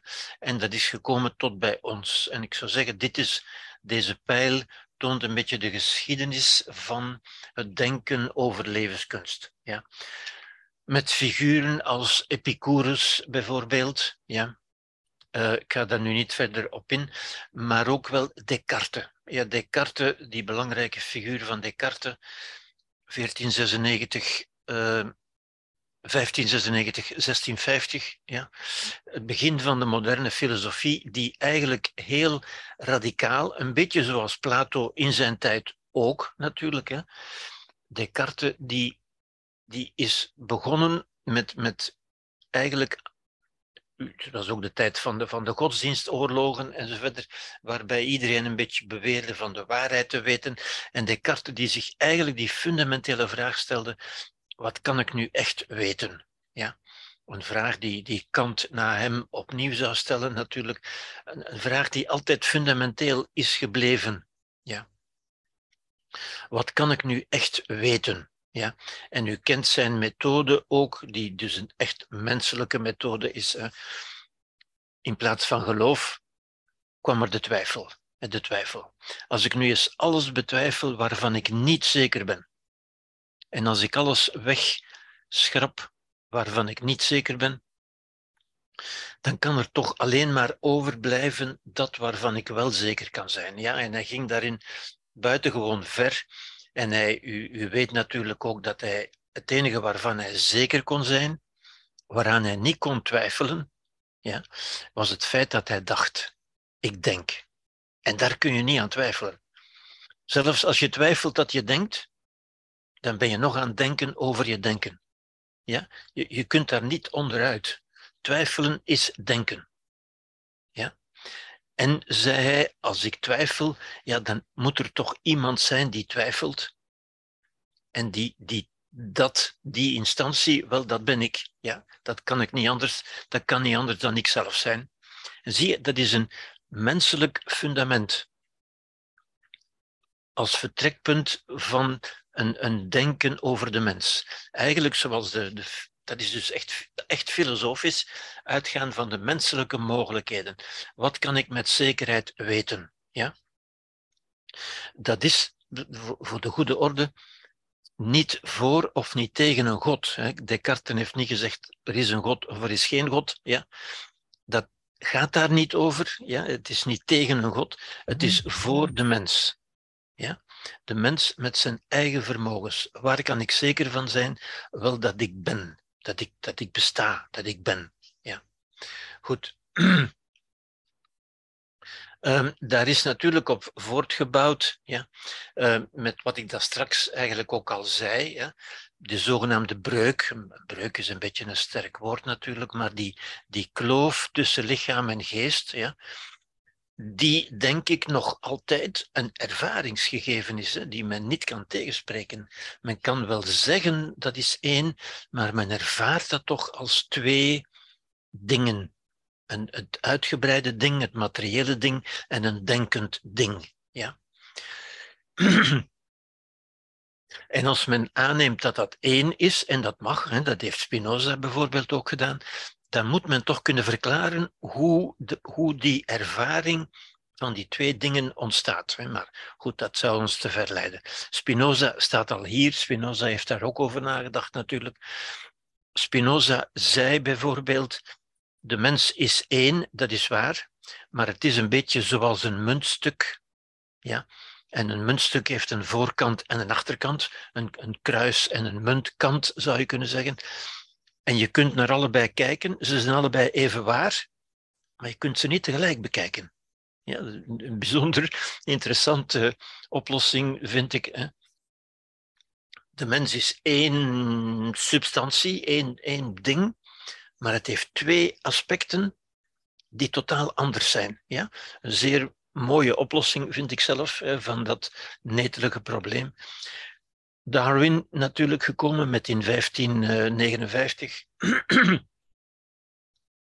zijn idee dat eigenlijk een, een ja, toch aan al die religieuze benaderingen uh, een, een fameuze, een fameuze, hoe zou ik het zeggen, um, tegenslag heeft opgeleverd. Ja? Want die eigenlijk zei, uh, het, is niet allemaal. Je hebt eigenlijk geen God nodig, zei hij. Je kunt het verklaren zonder een God. Dat is eigenlijk het, het fundamentele idee van Darwin. Ja?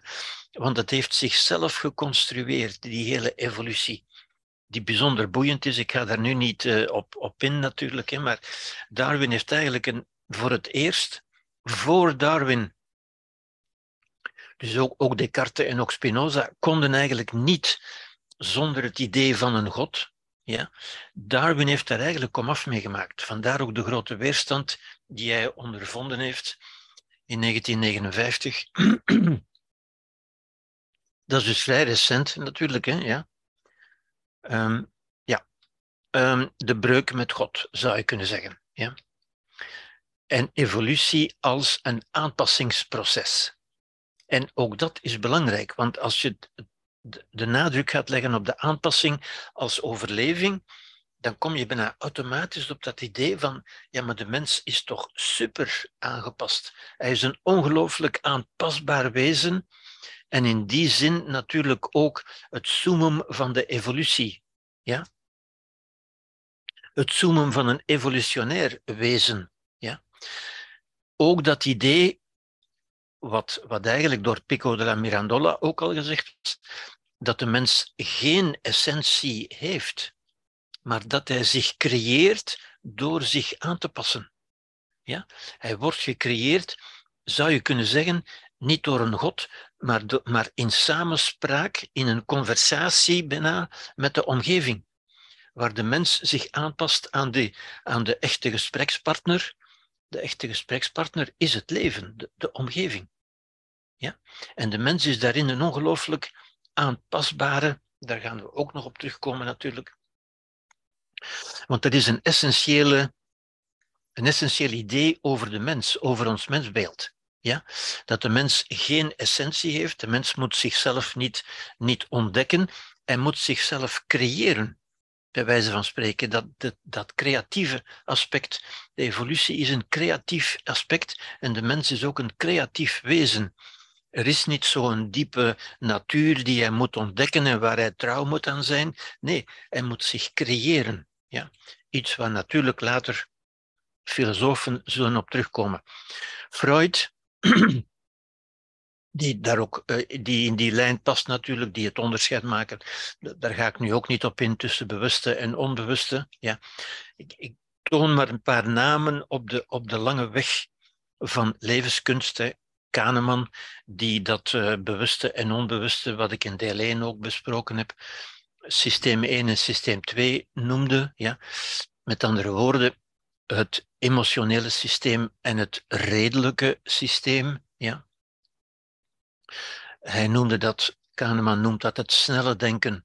Het snelle denken is het emotionele denken. Het, het grote inzicht eigenlijk ook van Kahneman, dat emoties een vorm van denken zijn, dat dat niet iets anders is, niet iets mysterieus, niet iets diepers. ook dat is een vorm van denken, en denken is informatie verwerken, dat we zeggen in gesprek gaan met de omgeving, een conversatie met de omgeving eigenlijk. Ja? Je kan doen wat je wil, maar je kan niet willen wat je wil. Ja, goed, daar ga ik nu niet verder op in. Dat heeft geleid tot het ontstaan van de cognitieve therapie.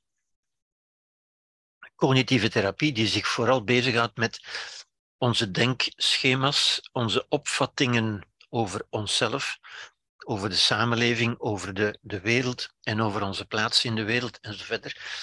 En die ook eens gaan inzien dat wij meer bepaald worden door de schema's die we in ons hoofd hebben, de, de, de kaarten die we in ons hoofd hebben, de overtuigingen, wat wij geloven, en dat de mens daar ook iets kan aan doen. Ja? Dat dat tot onze menselijke mogelijkheden behoort, met andere woorden. Ja?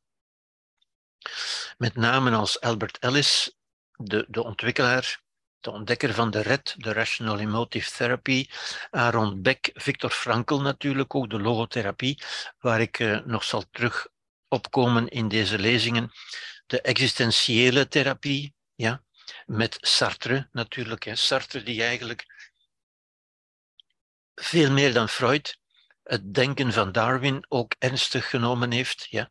En Sartre, die, die dat expliciet in de filosofie heeft ingebracht eigenlijk. Hè? Het, het, denken dat ook bij Pico della Mirandola al aanwezig was. Er is geen natuur. De natuur van de mens is van geen natuur te hebben, bij wijze van spreken.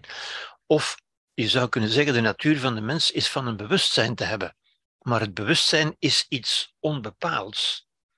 Dat is iets wat je kunt, dat is een ruimte die je kunt gebruiken, ja? die je niet bepaalt, maar die je juist vrijheid geeft.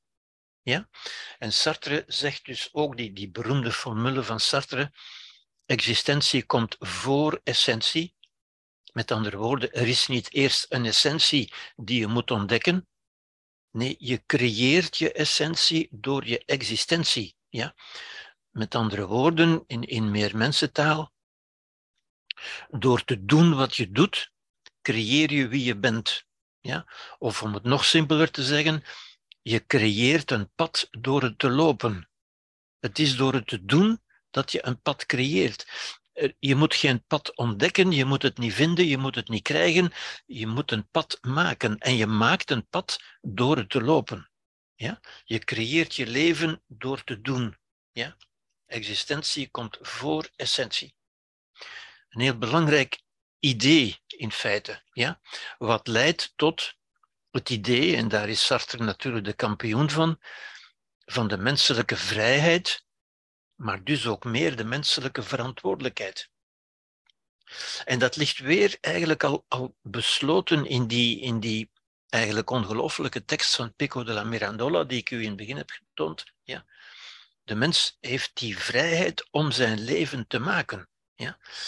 En wat daar een, een aantal lijnen verder in die tekst staat, hè, je kunt ook doen alsof je dat niet hebt. Je kunt tot het lagere niveau van de dieren vervallen, of je kunt tot het goddelijke niveau opklimmen. Ja? En dat is ook wat Sartre gezegd heeft. Ja, ik kom daar ook nog wel op terug. Sartre heeft ook opgemerkt, vastgesteld, en dat kunnen wij ook, alle dagen, dat vele mensen die vrijheid ontkennen en ontlopen. Ja? Door, door te ontkennen dat zij verantwoordelijk zijn voor hun daden. Ja? Vele mensen zeggen, ja, maar ik kon niet anders, ik had geen keuze, ik kon niet anders, want dat is hoe ik ben.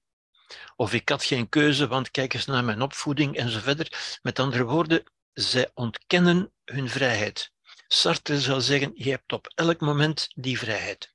Die heb je door je bewustzijn. Die heb je omdat je mens bent. Ja? Maar mensen proberen die te ontlopen. Proberen ook hun verantwoordelijkheid te ontlopen. Van ja, maar ik kon er niks aan doen, want... En zo verder. Ja? Sartre noemt dat la mauvaise foi. Ja? De kwade wil. Hij noemt dat van kwade wil zijn. Dat is natuurlijk een heel streng oordeel. Ja? Ik zou daar een beetje meer boeddhistisch mededogen bij, bij betrekken. En ik zou zeggen, mensen doen dat niet omdat ze van kwade wil zijn, maar wel omdat ze onwetend zijn. Ja, dat is ook wat de Boeddha zegt uiteindelijk. Hè. Alle lijden komt uit onwetendheid. Zoals ik ook in deel 1 wel heb gezegd, denk ik. Maar u, ziet hoe, hoe, de dingen aan elkaar hangen in feite, hoe het menselijk denken zich ontwikkeld heeft. En daaruit is natuurlijk Kierkegaard, Nietzsche, Heidegger en zo verder, Irving Yalom en ook de grote figuur, de belangrijke figuur van Viktor Frankl, waar ik later nog zal op terugkomen. Ja. iets waarin die dingen een beetje samenkomen is NLP. NLP is neurolinguistisch programmeren. Dat een beetje een kwalijke of, of een niet zo goede uh, reputatie heeft gekregen, dat ook niet academisch uh, veel erkenning heeft gekregen natuurlijk, om, omdat het een beetje slachtoffer is van zijn succes, zou ik zeggen. Ja. NLP wordt niet aan de universiteiten, maar wel in privéopleidingen die niet allemaal van gelijke kwaliteit zijn. En vaak is dat alleen maar een weekend of een paar weekends. En dan kunnen mensen zich NLP-practitioner noemen en zo verder. Dat, dat is ook een beetje een handeltje natuurlijk. Maar dat neemt niet weg dat NLP zeer belangrijke aspecten van de mens benadrukt, die eigenlijk teruggaan. En NLP beroept zich expliciet ook Albert Ellis trouwens van de cognitieve therapie beroept zich expliciet op figuren als Epictetus, Aristoteles, Socrates, Marcus Aurelius, ja, grijpen terug op de principes die die mensen eigenlijk al bedacht hebben. Ja. En u ziet, nu zijn we de middeleeuwen natuurlijk voorbij, sinds Descartes. Ja. Wij geloven niet meer zo in, in bidden en smeken en genade krijgen. Wij geloven toch meer, en dat is ook echt NLP, ja, het, het gebruik van de menselijke mogelijkheden. Je, je hebt dat, dat wonderlijke, machtige instrument aan boord van je brein en dat bewustzijn dat daarin ontstaat. Ja, leren te gebruiken. Ja. En dezelfde formule, en daarom heb ik ze ook hier nog eens bijgezet, de oplossing van een probleem is van er een deugd aan toe te voegen. Maar natuurlijk, u begrijpt, in de NLP uh, wordt dat niet, wordt, noemt men dat geen deugd, maar noemt men dat met een modieus Engels woord natuurlijk een, een resource. Ja? Het zijn resources die je in jezelf kunt ontwikkelen, ja? waarvoor je je kunt inspireren. Het inspireren noemen ze in NLP modelliseren natuurlijk, wat eigenlijk betekent het imiteren. Dus je kunt, als je een probleem hebt, het idee is juist hetzelfde, en, en dat is de, de analogie die ik ook wil benadrukken. Het idee is ook hier, als je een probleem hebt, dan moet je daar iets aan toevoegen. Je bent niet ziek of zoiets, maar je moet daar iets aan toevoegen. Een deugd die men dan een waarde of een kwaliteit of een resource zal noemen om dat probleem op te lossen. Ja? Dus welke resource is hier nodig? Hier was de vraag welke deugd heb ik hier nodig. Hier is de vraag welke resource heb ik hier nodig. Maar u ziet, het is dezelfde vraag eigenlijk. Ja? Met dat fameuze adagio, you fake it until you make it. Nu, you fake it until you make it, dat is eigenlijk Sartre. Hè? Je, je, je legt een pad aan door het te lopen. Je begint met te doen alsof het er al was. En uiteindelijk zal het er zijn. Ja? En dat is wat Sartre dus zegt, existentie komt voor essentie. Sartre zegt het een beetje filosofischer, maar het komt precies op hetzelfde neer, natuurlijk. Ja? Of de andere uitspraak, what the mind can conceive, the body can achieve. Ja? Wat u zich kunt voorstellen, dat kunt u ook doen. Ja? U begrijpt natuurlijk dat veel van het huidige psychologische bijstandsdenken en het zorgdenken in een heel andere richting gaat. Ja, dat is van nee, dat zijn zwakke mensen, kwetsbare mensen, die moeten eh, verzorgd en gedragen en gesteund worden en zo verder. Ja. Terwijl dit natuurlijk, heel deze benadering, is gericht op het stimuleren van de eigen krachten van de mens. Het, het bewust worden en het bewust gaan gebruiken van de eigen mogelijkheden van de mens. Dat heeft geleid tot de positieve psychologie, natuurlijk, die u ondertussen allemaal kent, met uh, het de nadruk op de, op de sterkten, de krachten, de mogelijkheden, in plaats van de zwakten van de mens natuurlijk. En dat is nu een van de laatste vormen van, van therapie, is ACT, Acceptance and Commitment Therapy, die eigenlijk een beetje een samenvatting is van al dat voorgaande. Ja? Um, acceptance verwijst eigenlijk bijna onmiddellijk naar de Boeddha, hè, aanvaarding. aanvaarding, maar ook naar de Stoïcijnen, ook naar Epictetus, ook naar Seneca natuurlijk. Ja. Acceptance en commitment. En het commitment is duidelijk hier van voor jezelf je committeren, je, je wijden aan, ja? je committeren aan een waarde. Welke waarde wil ik in mijn leven binnenbrengen? Ja? En dat is ACT in feite. En u, u ziet, dezelfde ideeën zijn, zijn doorgegaan en zijn in verschillende vormen doorgegeven. Ja? Um, gerichtheid ook op de toekomst in plaats van op het verleden.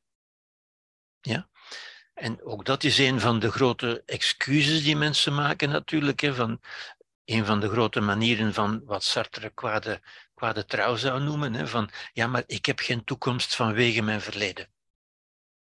Mijn verleden is zo erg geweest dat ik geen toekomst. Ze hebben met mijn toekomst afgepakt, zoals men, zoals men soms durft zeggen. Ja? Nu, de toekomst is u nooit afgepakt natuurlijk. Hè. De toekomst valt nog altijd te creëren. Ja? En ik zou zeggen, het is veel eer, maar ik ga daar ook op terugkomen, omdat mensen zich blijven bezighouden met het verleden, dat ze zich geen toekomst creëren. Ja? Het verleden heeft u niet vast. Het is de mens die zich blijft bezighouden, die zich blijft vaak vastbijten in dat verleden en daardoor juist geen toekomst heeft. Maar goed, daar komen we ook nog op terug. Ja? De herstelbeweging, de recovery movement, die, die ik hierbij zet omdat zij ook erg in de mode is natuurlijk, is niet het genezen van ziekte, als depressie en trauma, dat zijn geen ziekten, ja. Geen diagnosehandel en geen starre guidelines met protocols en, en trajecten en zo verder, maar herstel, recovery van gezondheid. Ja, een van de grote figuren hierin is Jim van Os natuurlijk, hè, die niet voor niks een Nederlander, ja. Die zegt, die stelt gezondheid is de capaciteit tot aanpassen, aanpassen, hè, denk aan Darwin, plus zelfmanagement van het eigen leven. Het zelf in handen nemen van het eigen leven. Eigenlijk wat, wat de, de oude filosofen ook al zeiden, natuurlijk. Ja. En de waarden hiervan worden soms samengevat in dat woord chime of chime, als u wil. Ja. De C van connectedness, verbinding met andere mensen, met, met het leven. Ja. Implicatie in het leven. Ja. Hoop, optimisme. Optimisme dat ook in de positieve psychologie. Karl Popper zei ook hoop, optimism is a moral duty. Ja. Ook optimisme is iets wat u moet creëren, niet iets wat u moet krijgen of vinden of zoeken. Ja. Identity, ja, u ziet, het zijn de letters van dat letterwoord hier. Identity kunt u gelijkstellen met waarden. Wie bent u? Wel, u bent toch uw waarden. Ja? Als u zich identificeert aan waarden, dat is ook de commitment natuurlijk. Ja? Meaning, zingeving. Ja? waar ik nog op terugkom, dat is Viktor Frankl bijvoorbeeld, logotherapie. Ja? Empowerment, we hebben het er al, al over gehad. Ja? En het idee ook, wat ik, wat ik ook met u zal bespreken, dat biologische modellen en hersenmodellen, dat is de moderne neurologie met de plaatjes over de hersenen en zo verder, zijn niet relevant voor het dagelijkse leven. En dat is natuurlijk een heel sterke uitspraak waarmee ik een groot gedeelte van de, van de, de huidige wetenschappelijke bezigheid, maar vooral ook van de journalistieke bezigheid, van de mediabetrokkenheid op die medische wereld, eigenlijk van tafel veeg. Ja. Niet omdat ik zeg dat ze niet belangrijk is, ze is buitengewoon belangrijk, ze is zeer belangrijk, maar omdat ze niet relevant is voor het dagelijkse leven. Ja?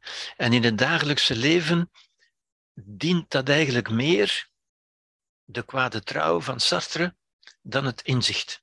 Ja? Want mensen gaan nu zeggen, en dat wordt een beetje een nieuwe religie, zou ik zeggen, ja. En met religie verwijs ik even naar hierboven. De religies stonden hier. Religies zijn de opvolgers van de mythologie. Religie is ook een soort mythologie natuurlijk. Hè? Wel, we geloven niet meer zo in religie, maar we geloven in wetenschap. En de wetenschap heeft een beetje de plaats ingenomen in onze samenleving van de religie. Ja? In, de zin, in die zin dat daar ook dingen in verklaard worden, meegedeeld worden, die door de gewone mens, niet door wetenschappers noodzakelijkerwijze, alhoewel door een aantal ook natuurlijk, maar die voor de gewone mens, voor de niet-wetenschapper, behandeld worden als waren dat goddelijke uitspraken. De gewone mens moet dat maar geloven. En de gewone mens gelooft dat ook. Er is geloof in de wetenschap. En dat is een religieuze houding, eigenlijk. Ja? En men gelooft, men, men wendt zich ook tot de, tot de priesters van de wetenschap, van de, van de religie-wetenschap. Ja? De mannen met de, met de stethoscoop natuurlijk, ja? met de witte jassen met de stethoscoop, die, die, die sacramenten toedienen in de vorm van pilletjes uh, en allerlei voorschriften en zo verder. Ja? En dat wordt eigenlijk een beetje een religieus een religieus ritueel, zou ik zeggen. En ik doe nu sterke uitspraken, maar ik, ik beschouw het eigenlijk een beetje, als je er naar kijkt, dan zie je al die mensen, de meeste mensen die geen wetenschapper zijn, gedragen zich op een religieuze manier tegenover de wetenschap. Waardoor de wetenschap ook een grote macht verworven heeft, die ze zelf ook mee tot stand heeft gebracht niet geheel ten onrechte, ja? want ze heeft ook veel verwezenlijkt. Dat, daar moeten we duidelijk in zijn natuurlijk. Ja? Ik ben zelf een wetenschapper. Ik heb groot eerbied en groot respect voor de wetenschap als menselijke prestatie. Maar ik zie ook dat zij voor mensen die niet genoeg op de hoogte zijn van wetenschap, op een religieuze manier beoefend wordt, zou ik zeggen. En je moet een beetje filosoof zijn om te zien dat wetenschap weliswaar buitengewoon belangrijk en kostbaar is, maar ook zeer grote beperkingen heeft. Nu, daar gaan we nog op terugkomen later natuurlijk. Ja. Maar goed, dit is een beetje het, het plaatje, zou ik zeggen, het grote schema van wat we in deze tweede reeks uh, over de strategie gaan doen.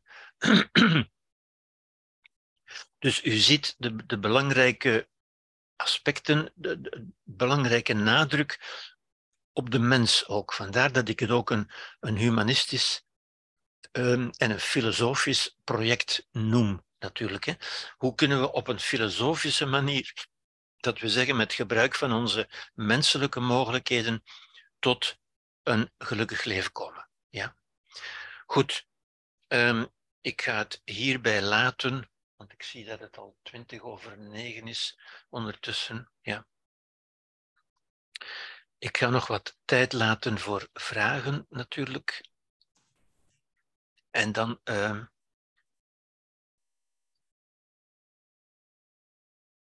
ja, als ik mijn scherm. Uh, ja. Dit kan ik misschien. Ja, dit zal ik er nog bij doen. Dit kan ik nog tonen. Ja. De uitgangspunten zijn, die heb ik voor een stuk ook al gezegd, maar ik wil ze nog even expliciet uittonen. De mens gelijkt door zijn lichaam en zijn emoties op vele andere wezens, vele andere levende wezens, met name op dieren. Hè. Wij zijn voor een groot stuk nog dieren. Ja. Maar andere wezens hebben een vooraf bepaalde natuur. Een steen, een mes of een insect is wat het is.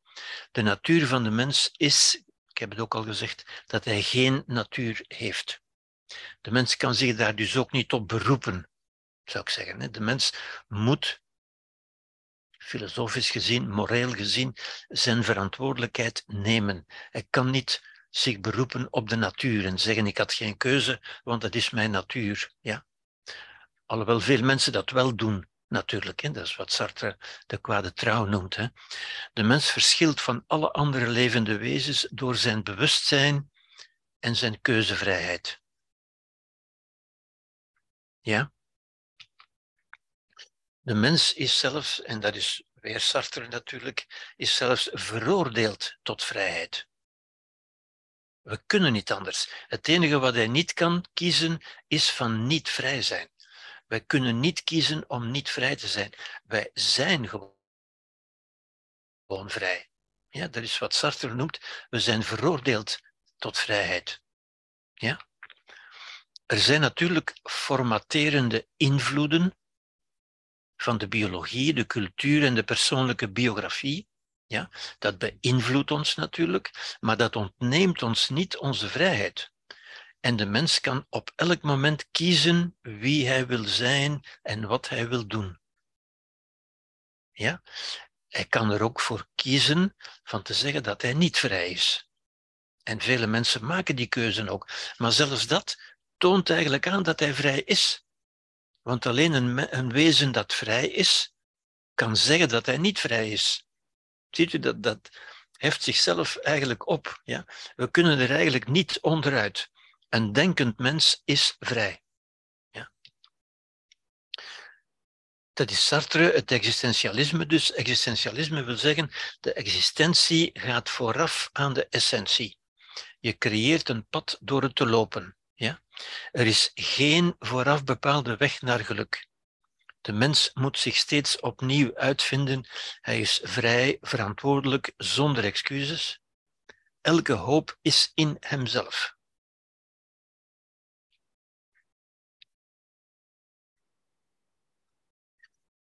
En nog een beetje om te eindigen op een, op een wat lichtere noot, op een beetje een ja, een grappige noot, maar een grappige noot die soms ook tragisch kan zijn. Natuurlijk, het, het, het bekende, het beroemde Peter Principle, dat een aantal mensen toch wel zullen kennen waarschijnlijk. En dat stelt dat je in een organisatie opklimt en promotie maakt tot je vastloopt omdat je je niveau van incompetentie hebt bereikt. En zo werken onze ondernemingen natuurlijk ook, onze, onze bedrijven. Als je goed werkt, dan word je beloond en krijg je een promotie. Als je daar nog goed doet, dan krijg je verder een promotie. En je wordt zo gepromoveerd tot je het niet meer goed doet. Met andere woorden, tot je eigenlijk boven je niveau bent gekomen. Je loopt vast tot je je niveau van incompetentie hebt bereikt. Ja? Nu, dat is in het leven ook zo. In het leven ga je door tot je ergens vastloopt of ergens tegenaan loopt en pijn ervaart. Nu, die pijn is een signaal dat je ergens je niveau van incompetentie hebt bereikt. Ja? Als ik even de Boeddha terug erbij haal, de Boeddha zegt elke lijden is een gevolg van onwetendheid. Dus je loopt ergens vast op je onwetendheid die zich vertaalt als lijden, maar lijden is eigenlijk onwetendheid. Dus je loopt vast op je onwetendheid, wat Pieter, Pieter was een, een uh, psycholoog, het, het, niveau van incompetentie heeft genoemd. En ziet u hoe, hoe dat zelfs die uitspraak van de Boeddha in, in moderne taal vertaald is geworden? Ja? Vastlopen en lijden ervaren is geen drama, maar is een uitnodiging. Zie je? Om te gaan nadenken en onze competentie, ons bewustzijn en onze wijsheid te vergroten. Als u in een bedrijf vastloopt in uw carrière, in uw promotie, dan moet u uw, uw bedrijfsspecifieke vaardigheden, ja, uw, uw ingenieurscompetenties of uw economische competenties gaan vergroten om verder te kunnen leven, om verder te kunnen promotie maken.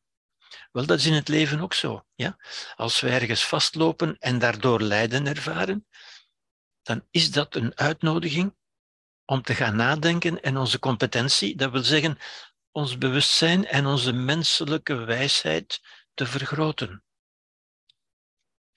Een kind beschuldigt de anderen of de omstandigheden van de pijn. Een kind zegt bijvoorbeeld: De tafel heeft mij pijn gedaan. Als een kind tegen een tafel loopt en, zegt hij, en zich pijn doet, dan zegt hij de tafel heeft mij pijn gedaan. Dat is kinderlijk denken. Nu, vele volwassenen denken ook kinderlijk hè, en zeggen het leven heeft mij pijn gedaan. Of, of die persoon of die omstandigheden hebben mij pijn gedaan. De wijsheid zou zijn, een volwassene begrijpt dat de tafel helemaal niets heeft gedaan, maar dat hij er gewoon tegenaan is gelopen omdat hij zijn niveau van incompetentie had bereikt. En ziet u hoe het Peter Principle eigenlijk perfect aansluit bij wat de Boeddha voortdurend ook zegt. Ja? Lijden, dat is wat de Dalai Lama ooit gezegd heeft, lijden is het leven dat tot ons spreekt op een manier die het best onze aandacht trekt. Ja, dat is, dat is weer zo schitterend gezegd, hè? want het leven spreekt voortdurend tegen ons, maar wij luisteren niet tot we lijden. En dan is onze aandacht getrokken. En dan gaan we nadenken, in het beste geval. Als we volwassen zijn. Als we een kind zeggen, gaan we het leven beschuldigen. Het leven is niet eerlijk, ik heb dat niet verdiend en zo verder. Het leven heeft mij pijn gedaan. Als volwassenen begrijpen we dat het leven niks heeft gedaan, dat wij ons niveau van incompetentie hebben bereikt, in feite. Ja. Goed. Hierbij ga ik het laten, ja, want dit is voor volgende week, inderdaad. Dus ik ga het hierbij nu laten. En nog eventjes um, mij ter beschikking stellen om ja, op uw vragen eventueel te antwoorden.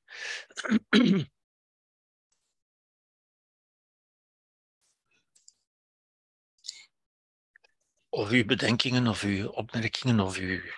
Mhm. Er staan sowieso al interessante bedenkingen in de chat. Misschien willen mensen dat wel toelichten. Of uh, ga je er zo op in, Gerbert? Ja. De essentie is het synoniem van het leven toch niet helemaal. Nee, de, essentie is natuurlijk, ik geef toe, dat is een. Ja, dat zijn van die abstracte woorden die daarom ook een beetje moeilijk zijn natuurlijk. Hè, maar in deze context wordt met essentie bedoeld de essentie van de mens. Alsof de mens een essentie zou hebben. En Sartre zegt, en Isaiah Berlin zegt dat eigenlijk ook, en Pico de la Mirandola heeft het eigenlijk ook gezegd, eh, de mens heeft geen essentie. De mens creëert een essentie door zijn existentie, door wat hij doet. Door zijn manier van leven creëert hij zich een soort essentie. Ja? Kan NLP geassocieerd worden met mindfulness? Um, ja, er is natuurlijk altijd wel een, een verband te bedenken, maar NLP, NLP heeft ook te maken met, met, met het bewust worden van bepaalde patronen natuurlijk. En, en het, het heeft ermee te maken, maar je kunt het toch niet, nog, toch niet uh, associëren, zou ik zeggen mindfulness heeft toch een ander doel. NLP is meer gericht op het uh, creëren van verandering, is meer een, een therapeutisch tool of een coaching tool, wat men soms gebruikt. Terwijl mindfulness meer tot doel heeft van het bewustzijn te vergroten. Ja. Dus het heeft natuurlijk met elkaar te maken, want alles heeft met elkaar te maken bij de mens natuurlijk. Hè. Freud um, het, het onbewuste zoals Freud het bedoelde, nemen we eigenlijk niet meer aan. Ook niet het bewuste. Ja? Het bewustzijn is geen bepaalde plaats in het brein of zoiets. En het onbewuste is ook geen bepaalde plaats. We nemen tegenwoordig meer aan het cognitieve onbewuste dat wat in onze overtuigingen, dat is meer wat de Boeddha de onwetendheid noemt. Ja? Uh, de overtuigingen die in ons aanwezig zijn, zonder dat we ervan bewust zijn. Maar dat is veel meer het cognitieve onbewuste dan het dynamische onbewuste van Freud. Ja? We zullen daar natuurlijk weer veel meer over kunnen zeggen? Is het onbewuste collectief? Wel, er is natuurlijk een collectief cognitief onbewuste, dat wel. Ja? Omdat het, het, het bewustzijn zit in de taal, en dus ook het onbewustzijn zit eveneens in de taal. En omdat we een gemeenschappelijke taal gebruiken, hebben we ook een collectief onbewustzijn. als u wil. We gebruiken dezelfde woorden. En je, kunt, je zou bijna kunnen zeggen dat elk woord een stukje bewustzijn is, maar ook een stukje onbewustzijn. Ja, nu. ik, ik, ik begrijp natuurlijk dat bij alles wat ik zeg, ik nog een hele avond zou kunnen spreken daarover, maar daar hebben we de tijd niet voor natuurlijk. Maar maakt het, een, maakt het zin wat ik zeg, uh, Edith? Want ik zie het de vragen van jou komen. We kunnen daar later ook nog op terugkomen hoor. En uh, je laatste opmerking, geloof in wetenschap is doordat de leek geen kennis ter zake heeft. Ja, dat is natuurlijk zo. Dat is zo, inderdaad. inderdaad. Maar het verschil is een beetje, ik heb gezegd, de, de praktijk van de wetenschap, de praktijk, hè, lijkt op een religieuze praktijk. En inderdaad, voor mensen die geen kennis ter zake hebben, die kunnen niet anders dan dat geloven. En dat, in dat geloof is gelijkt op een geloof in een God, laten we maar zeggen. Ja? Dus dat is inderdaad waar. Het verschil, er is toch een verschil in die zin dat wie echt de wetenschap wil leren kennen, kan zich informeren, want die, die, die, die informatie is overal beschikbaar. Terwijl de kennis over God, die kunnen we niet verwerven. Daar hebben we geen toegang toe. Daarin moeten we geloven ja, wat de paus zegt, of wat de priesters zeggen, of wat de Bijbel zegt. We kunnen dat niet zelf onderzoeken. In de wetenschap kunnen we in principe zelf onderzoeken. Ja? Als u niet gelooft in de zwaartekracht, dan kan ik u zeggen, oké, we zullen even een paar proefjes doen en dan zult u moeten zeggen van ja, inderdaad, ik kan niet anders dan dat geloven. Ja? Wetenschap is aantoonbaar voor iedereen die de moeite wil nemen. Ja? Vandaar dat wetenschap ook onderwezen kan worden en je kunt je daarin bekwamen. Ja? In God kun je je niet bekwamen. Ja? Dat, moeten we, dat wordt ook doorgegeven van generatie op generatie en we kunnen dat niet verifiëren. Dat is echt een geloof. Ja? Is dat duidelijk? Eh, ik zeg daarmee niet, want wetenschap kan dat niet zeggen. De wetenschap kan niet zeggen of er een God is of niet. Ik heb dat dus ook niet gezegd natuurlijk. Hè? Ik, ik zeg alleen, met de Boeddha, ja, dat we geen God nodig hebben om tot een gelukkig leven op deze aarde te kunnen komen. En dat is ook de boodschap van de Boeddha. Dat wil niet zeggen dat ik geloof dat er geen God is. Ik, ik, ik weet dat niet. Ja? Ik kan dat ook niet bewijzen. De wetenschap kan dat ook niet bewijzen. Ja? Dat is een keuze. Je kunt dat geloven of niet geloven. Ik zeg alleen, en dat is het, het, uh, het humanistische, het filosofische project uiteindelijk, hè, van we hebben God niet nodig om een goed leven te leiden. We hebben ook geen God nodig om tot moraliteit te komen. Die kunnen we volkomen bedenken uit redelijke overwegingen. Daar kom ik ook nog wel eens op terug, overigens. Um, Herbert, ja? Toch, uh, ik heb dus uh, de YouTube beluisterd met uh, Arne en uzelf. En die YouTube had te maken eigenlijk met jullie reis voor dit jaar. het was een, een aanvulling nog. En um, er kwam toch ook aan bod dat u sprak van een hogere intelligentie. Dus um, omdat eigenlijk het leven op zich. Allee, dat we veel uh, onbeantwoorde vragen hebben Ja. over het leven. Ja. En nu stel ik mij de vraag. Maar ik ben. Wacht even. Eh, nu stel ik mij de vraag: zou eindelijk het, eh, de, die hoge intelligentie die we kunnen verwoorden als zijnde God, we moeten het een naam geven, maar Ja. ook eh, gezien dat we daar toch een zeker draad van verbondenheid mee hebben door het leven, dat eindelijk ons, de groei van ons bewustzijn daarmee kan gelinkt worden. Dus met die intelligentie. Ja, ja, ja. Ik, ik denk dat ik begrijp wat je bedoelt. Ja. En het is, het is ja, ja, ik vind het een, een, goede, een goede insteek die je geeft hier, want dat is eigenlijk precies wat de Grieks-Romeinse filosofen ook ontdekt hebben. Ja? Zij waren verbaasd en verwonderd, echt, hè, Mhm. om vast te stellen dat er in de natuur een intelligentie aanwezig is. Zij Ja. noemden dat de logos. De logos. Hè, vandaar dat Victor Frankl ook over de logotherapie spreekt. Ja.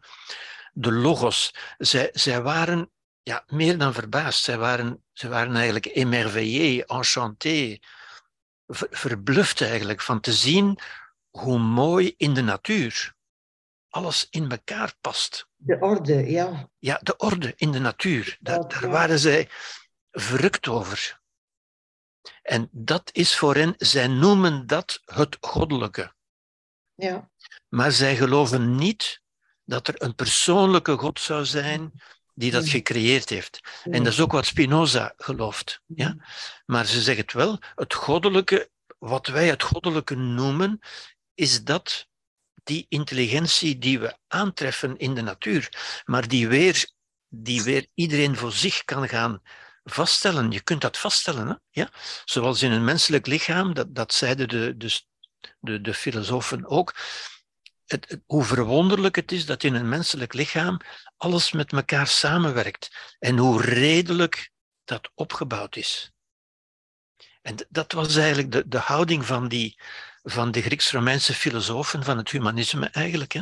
En zij vonden dus eigenlijk ook van die, die orde, die, die ongelooflijke mooie orde die je overal terugvindt, wel, de mens moet daaraan deelnemen. De mens moet, moet zich in die orde invoegen. De mens moet zich op een ordelijke manier gedragen, zodanig dat hij die orde mee in stand houdt. Hij mag die orde niet verstoren. Ja, een beetje wat het Taoïsme ook zegt natuurlijk. Hè? Ja. En dat is wat zij het goddelijke noemden. Dus niet gepersonifieerd, maar het, Juist, juist. Ja. Geen persoon. is Waar het christendom dan een persoon van gemaakt heeft. Ja? Of, of de monotheïstische godsdiensten. Ja? En zij vonden dus ook dat de mens deelachtig kon worden aan die intelligentie door zijn eigen intelligentie te gebruiken. Ja? Zij vonden, Aristoteles zei, zei ook, het, het hoogste vermogen zit op de hoogste plaats, namelijk hier in ons brein, hè? want, zei hij, die is ook het dichtste bij de goden. Ja, ja, ja. ja. Ja. Ja. Mooi. Dat, dat, dat is mooi eigenlijk, hè? Ja, Ja, inderdaad. Inderdaad, ja. Dank u wel. Oké, zijn, zijn er nog eh, vragen of bedenkingen? Nu, ik kan alleen maar de YouTubes aanbevelen hoor, want die zijn eh, wonderbaar. Ah, dankjewel, dankjewel. Zeker. Maar ik, ja, ik, ik- ik deel eigenlijk ook een beetje die, die, die verrukking bijna, hè, van, van die, die de, die de Grieks-Romeinse filosofen ook beschreven, hè, de Stoïcijnen en Epicurus en, en zo verder. Van als je dat ziet en als je dat bestudeert, en dat bestudeert de wetenschap, maar ook de geneeskunde, bestudeert dat en ziet inderdaad dat, dat, dat alles geweldig mooi in elkaar zit. Hè? Dat, zo mooi dat je bijna niet anders kunt dan denken, ja, daar moet toch iemand achter zitten. Ja? Terwijl dan Darwin, en dat is het, het geweldige, het, het ongelooflijk geniale inzicht van Darwin ook, hè, 1959, ja, dat hij heeft aangetoond hoe dat allemaal eigenlijk vanzelf, uit zichzelf, zichzelf gecreëerd heeft. Ja, en eigenlijk leunt dat wel een beetje aan met het Taoïsme. Hetgeen dat Ja. Aan- Ja, ja, ja, ja, ja. ja, ja. Maar dat was een intuïtief weten van Ja. het Taoïsme, ja, wat daarna door een expliciet weten is vervangen eigenlijk. Hè. Maar de verwondering daarbij, eh, het, er is inderdaad nog heel veel dat we niet weten, maar hoe meer we erin, erop ingaan, hoe meer we zien hoe mooi het in elkaar zit, hoe ordelijk, ja, de logos. Hè. ja. Dat is- Vandaar dat, ja, Einstein zei het ook, hè, hoe, hoe meer je die dingen onderzoekt, hoe meer je in bewondering staat, hè, in, in l'émerveillement. Het is echt, het is echt dat, hè, dat je, hoe meer je ervan begrijpt, hoe meer je het mysterie ziet. Hè, dat is wat Einstein ook zei. hè. dank u wel.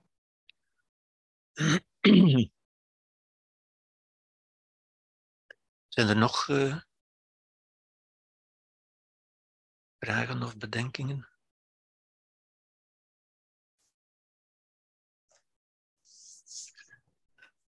Zo niet, ja. Maar er komen. Ja, ik hoop dat ik ook iets van die ver verwondering, die ik dus deel uiteindelijk, van, van, die, van, die, ja, van die verrukking kan, kan overbrengen.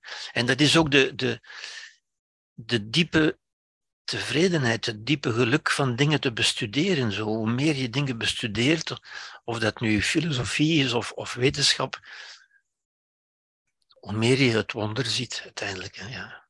ja. Dat is mooi okay. om mee af te sluiten, denk ik, vanavond. Hè? Ja. Allemaal empowerende inzichten waar ja. we eigenlijk alleen maar blijer van worden. Waar we blijer van Ja. worden, ja. ja. Oké, dan eh, heel hartelijk dank voor jullie aanwezigheid, Ja. voor Herbert. En dan zien we elkaar volgende week terug Ja. voor het tweede, het tweede deel. En de opname komt eraan. Oké. En moest iemand zin hebben om vrijdagavond bij Ehipassico nog eens een lezing te volgen over eh, de Boeddha als supertherapeut, dan eh, ben Ah, je ja, daar ook nee, nog altijd welkom. Ja. Fijne avond en slaap zacht. Dag. Dankjewel. Oké. Fijne avond iedereen. Dag.